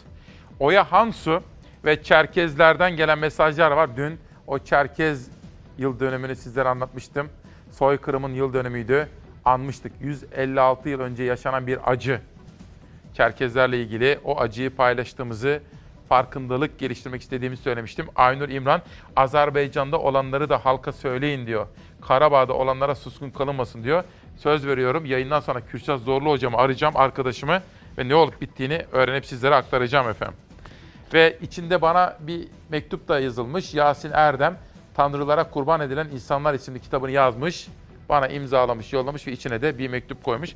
Defterimde devletimizin kurucusu, önderimiz, devletimizin kurucu isim babası, rol modelimiz Mustafa Kemal Atatürk'ten bir söz. Bakın.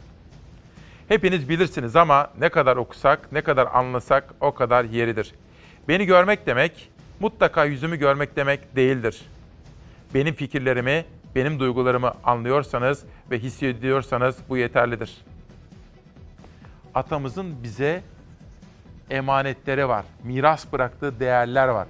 Türkiye alacağız, çok daha ilerilere taşıyacağız ve medeni, tam demokratik bir hayatı hep beraber inşa edeceğiz efendim.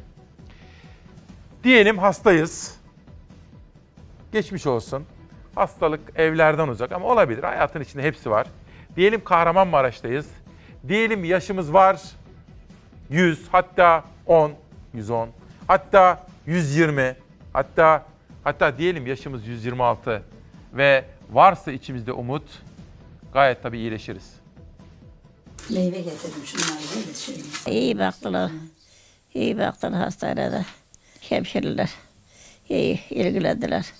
İyi baktılar. Eşenine tam 126 yaşında Covid-19'u alt ederek tıp literatürüne geçti. Koronavirüsü yenen dünyanın en yaşlı insanı oldu. Hastalığı yendin. Hastalığı yendi. Eşe Gelebek, Kahramanmaraşlı bir yörük kadını o. Nüfus kayıtlarına göre 1 Temmuz 1894 doğumlu. 13 çocuğu ve 83 torunu var. Torunlarının çocukları da katılırsa Eşenine 400'e yakın torun sahibi. Eşenine ömrü boyunca sağlıklı ve taze gıdalarla beslenmiş, ciddi bir rahatsızlıkta geçirmemiş. Ta ki 126 yaşında koronavirüs onu bulana dek. Bir gün rahatsızlandı. Ateşi çıktı titremeyle. Götürdüler ayın 20'siydi işte. Ee, koronavirüs dediler. Bize gelen bilgi böyleydi. Eşenine 20 Nisan günü yüksek ateş şikayetiyle hastaneye kaldırıldı. Durumu ağırdı. Bütün belirtiler Covid-19'u işaret ediyordu. Çekilen tomografi sonrası doktorların teşhisi de bu yönde oldu. Koronavirüs testi koydular. Yaşlı kadın bir hafta yoğun bakımda yattı, bir haftada normal serviste kaldı. Torununun torununun çocuğunu bile görme şansı bulan Eşenine koronavirüsü de yenmeyi başardı, sağlık çalışanlarını dahi hayrete düşürdü. Eşenine taburcu edildikten sonra uzun yıllardır birlikte yaşadığı en küçük oğlu Hamdullah Gelebey'in yanına döndü. 14 gün boyunca evde karantinada tutuldu. Kaldığı odaya gelini dışında kimse girmedi. Biz yürüyoruz. Yörükler köçe- göçerlermiş. Ee, sağlıklıydı yani böyle doğal peynirler, sütler yiyorlarmış. Yaşlı kadın karantinanın sona ermesiyle normal hayatına da geri döndü ama bir farkla. Artık o dünyanın koronavirüsü yenen en yaşlı hastası ünvanına sahip. Koronavirüsten iyileşen en yaşlı hasta olarak lanse edilen 113 yaşındaki İspanyol Maria Branyas'ın tahtına kuruldu. Oğlum iyi misin? Allah'a şükür iyiyim. Sen nasılsın? İyi de iyiyiz ya Allah'a şükür. Eşen ninenin bilinen bir kronik rahatsızlığı da bulunmuyor. Yok, yok öyle bir rahatsızlığı yoktu şükür. Tansiyon, kalp, şekeri yoktu. Öyle öyle öyle yolu var. Tabii yaş önemli ama inanın bana benim böyle her gün konuşmaya gayret ediyorum ya Çalar Saat annelerinde yaşı 90'ın üzerinde olan 100 civarında o kadar çok anne tanıyorum ki yani şöyle sayayım bakın ben size bir anda isimlerini bile saysam bir 20 tane falan tanıyorum. 20 ayrı anne. Genellikle anneler ama yaşıyorlar öyle uzun. Babalarımız maalesef o kadar uzun yaşamıyorlar. Tabii sigara içme bence etkili. Ama tekrar ediyorum benim şahsen de tanıdığım Çalarsat annesi olarak tanımladığım yaşı 90'ın üzerinde 100 civarında olan o kadar çok anne var ki artık ömürlerimiz uzadı. Ama zihnimizi canlı tutmamız gerekiyor. Çalar Saati izlemenin mantıklarından birisi bu. Işıl Hanım öyle demişti hatırlıyor musunuz? Alzheimer'la mücadele eden hocamız, dernek başkanı Işıl hocamız öyle demişti. Angaje olacağız. Ne demek angaje olmak? Elimizi, eteğimizi çektik, topladık öyle değil. Hayır. Hayatın içinde kalacağız. Haberlerden haberdar olacağız. Düşüneceğiz, eleştireceğiz, konuşacağız, bravo diyeceğiz, üzüleceğiz. Yani kalbimizi çalıştıracağız efendim Alzheimer'dan korumak için. Bu olayı önemsiyorum. Siyasetteki tartışma. Çünkü şu anda birisi cezaevinde. Acaba ne oldu da cezaevinde? Bir genç. Silah çeken değil, tepki gösteren cezaevinde. Pencere gazetesinin manşeti. Bugünkü birinci sayfa haberi. CHP'li Eren Yıldırım'ın tartışma görüntüleri ortaya çıktı. Görüntüde silah mekanizmasının sesi ve Yıldırım'ın annesinin isyanı net bir şekilde duyuluyor. Silah çeken değil, tepki gösteren cezaevinde diyor Pencere gazetesi. Bu çarpıcı haberi de dikkatle izliyoruz. Silah mı çekiyorsun halka? Sen halka silah mı çekiyorsun? Gerginlik yaratmak istiyorlar. CHP'nin bütün gençleri sokağa çıkacak. Bunun hesabını soracak. Hayır. PKK'nın Van'da uzun namlulu silahlarla gerçekleştirdiği saldırıyı CHP'liler Adana'da hakaret ve yumrukla yapmıştır. Bu CHP'li belediyeleri kalkıp terör örgütüyle bir tutuyor. Akıl yok burada. Mantık yok burada. Cumhurbaşkanı Erdoğan'ın terör örgütü PKK ile CHP'yi bir tutan açıklaması sonrası AK Parti CHP hattında tansiyon yüksek. Kılıçdaroğlu Cumhurbaşkanını CHP'ye tuzak kurmakla suçladı. Bizi sokağa davet ediyorlar. Biz öyle 3 kişinin 5 kişinin bağırmasına çağırmasına papuç bırakacak bir parti değiliz. Türkiye bu devlet ve millet düşmanlarına evelallah biz bu toprakları bırakmayacağız. Erdoğan'ın kurduğu tuzaklara düşmüyoruz ama o tuzak kurmaya aklı sıra devam ediyor. Erdoğan'ın devlet yönetme kapasitesi bitmiştir. Acaba ben CHP'yi nasıl köşeye sıkıştırırım arayışı içinde. Karşılıklı sert sözler Adana Yüreğir'de yaşanan yardım tartışmasıyla başladı.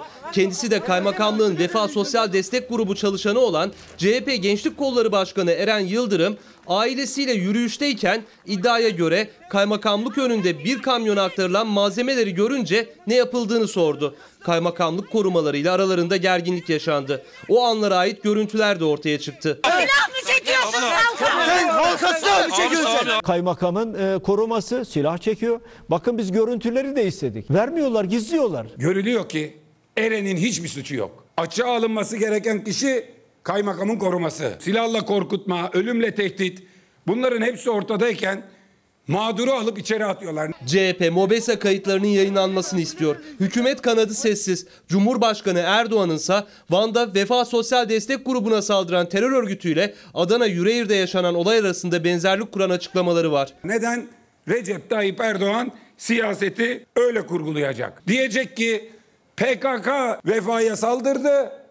Bir gün önce sonra da CHP saldırdı. Bu kul hakkından Recep Tayyip Erdoğan siyaseten 3-5 puan kar ederim diye gencecik bir masumu içeride tutmaktan çekinmiyordur. Bu iki hadise dahi başlı başına bir ibret vesikasıdır. Yerel seçimlerde. Gidip Osman Öcalan'ı bulması, devletin televizyonda konuşturması, İmralı'da terörist ba- başını bulması, ondan özel demek televizyonlarda canlı yayınlatması. Ya biz bunları biliyoruz. Milletin artık karnı tok. Erdoğan şunu söylemiş, Erdoğan bunu söyle. Ne derse desin. Vız gelir tırıs gider. AK Parti CHP arasında terör tartışması giderek alevlenirken Eren Yıldırım'ın ailesi ve CHP Adana İl Başkanı kaymakamın koruması hakkında tehdit ve hakaret gerekçeleriyle savcılığa suç duyurusunda bulundu.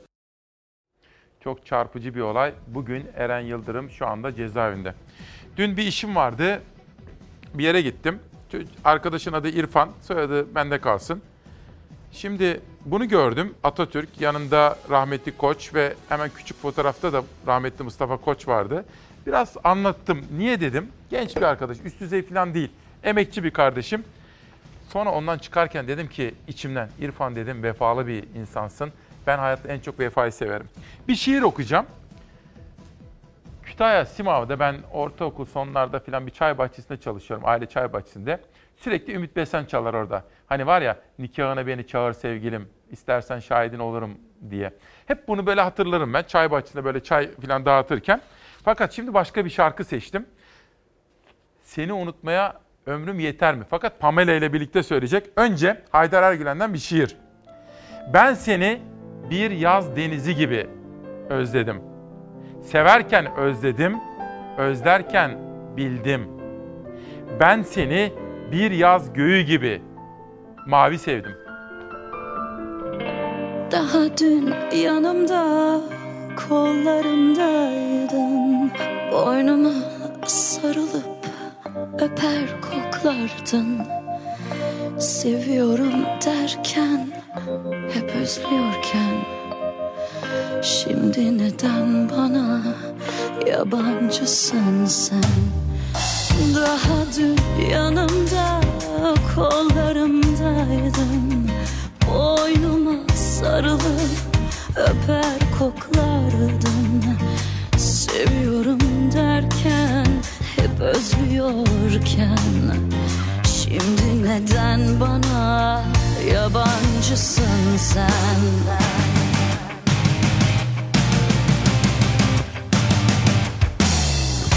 Seni unutmaya ömrüm yeter mi? Dön desem tersine dünya döner mi? Gururum aşkıma Öyle düşman ki Geriden beni sev Dön diyemem ki Seni unutmaya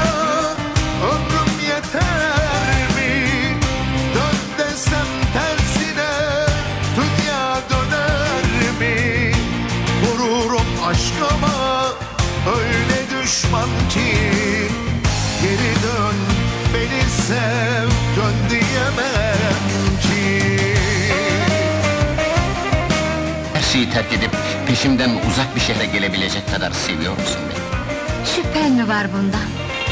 Senden beraber olduktan sonra dünyanın öbür ucuna bile giderim. Senin karın olabilmek için canımı bile veririm. Benim kaderimde ayrılıklar var Kime bağlandıysam ayrıldı yollar Sevmedim kimseyi ben hiç bu kadar Benden ayrılmaya yeminin mi var? Benim kaderimde ayrılıklar var. Kime bağlandıysam ayrıldı yollar. Sevmedim kimseyi ben hiç bu kadar. Benden ayrılmaya yeminim mi var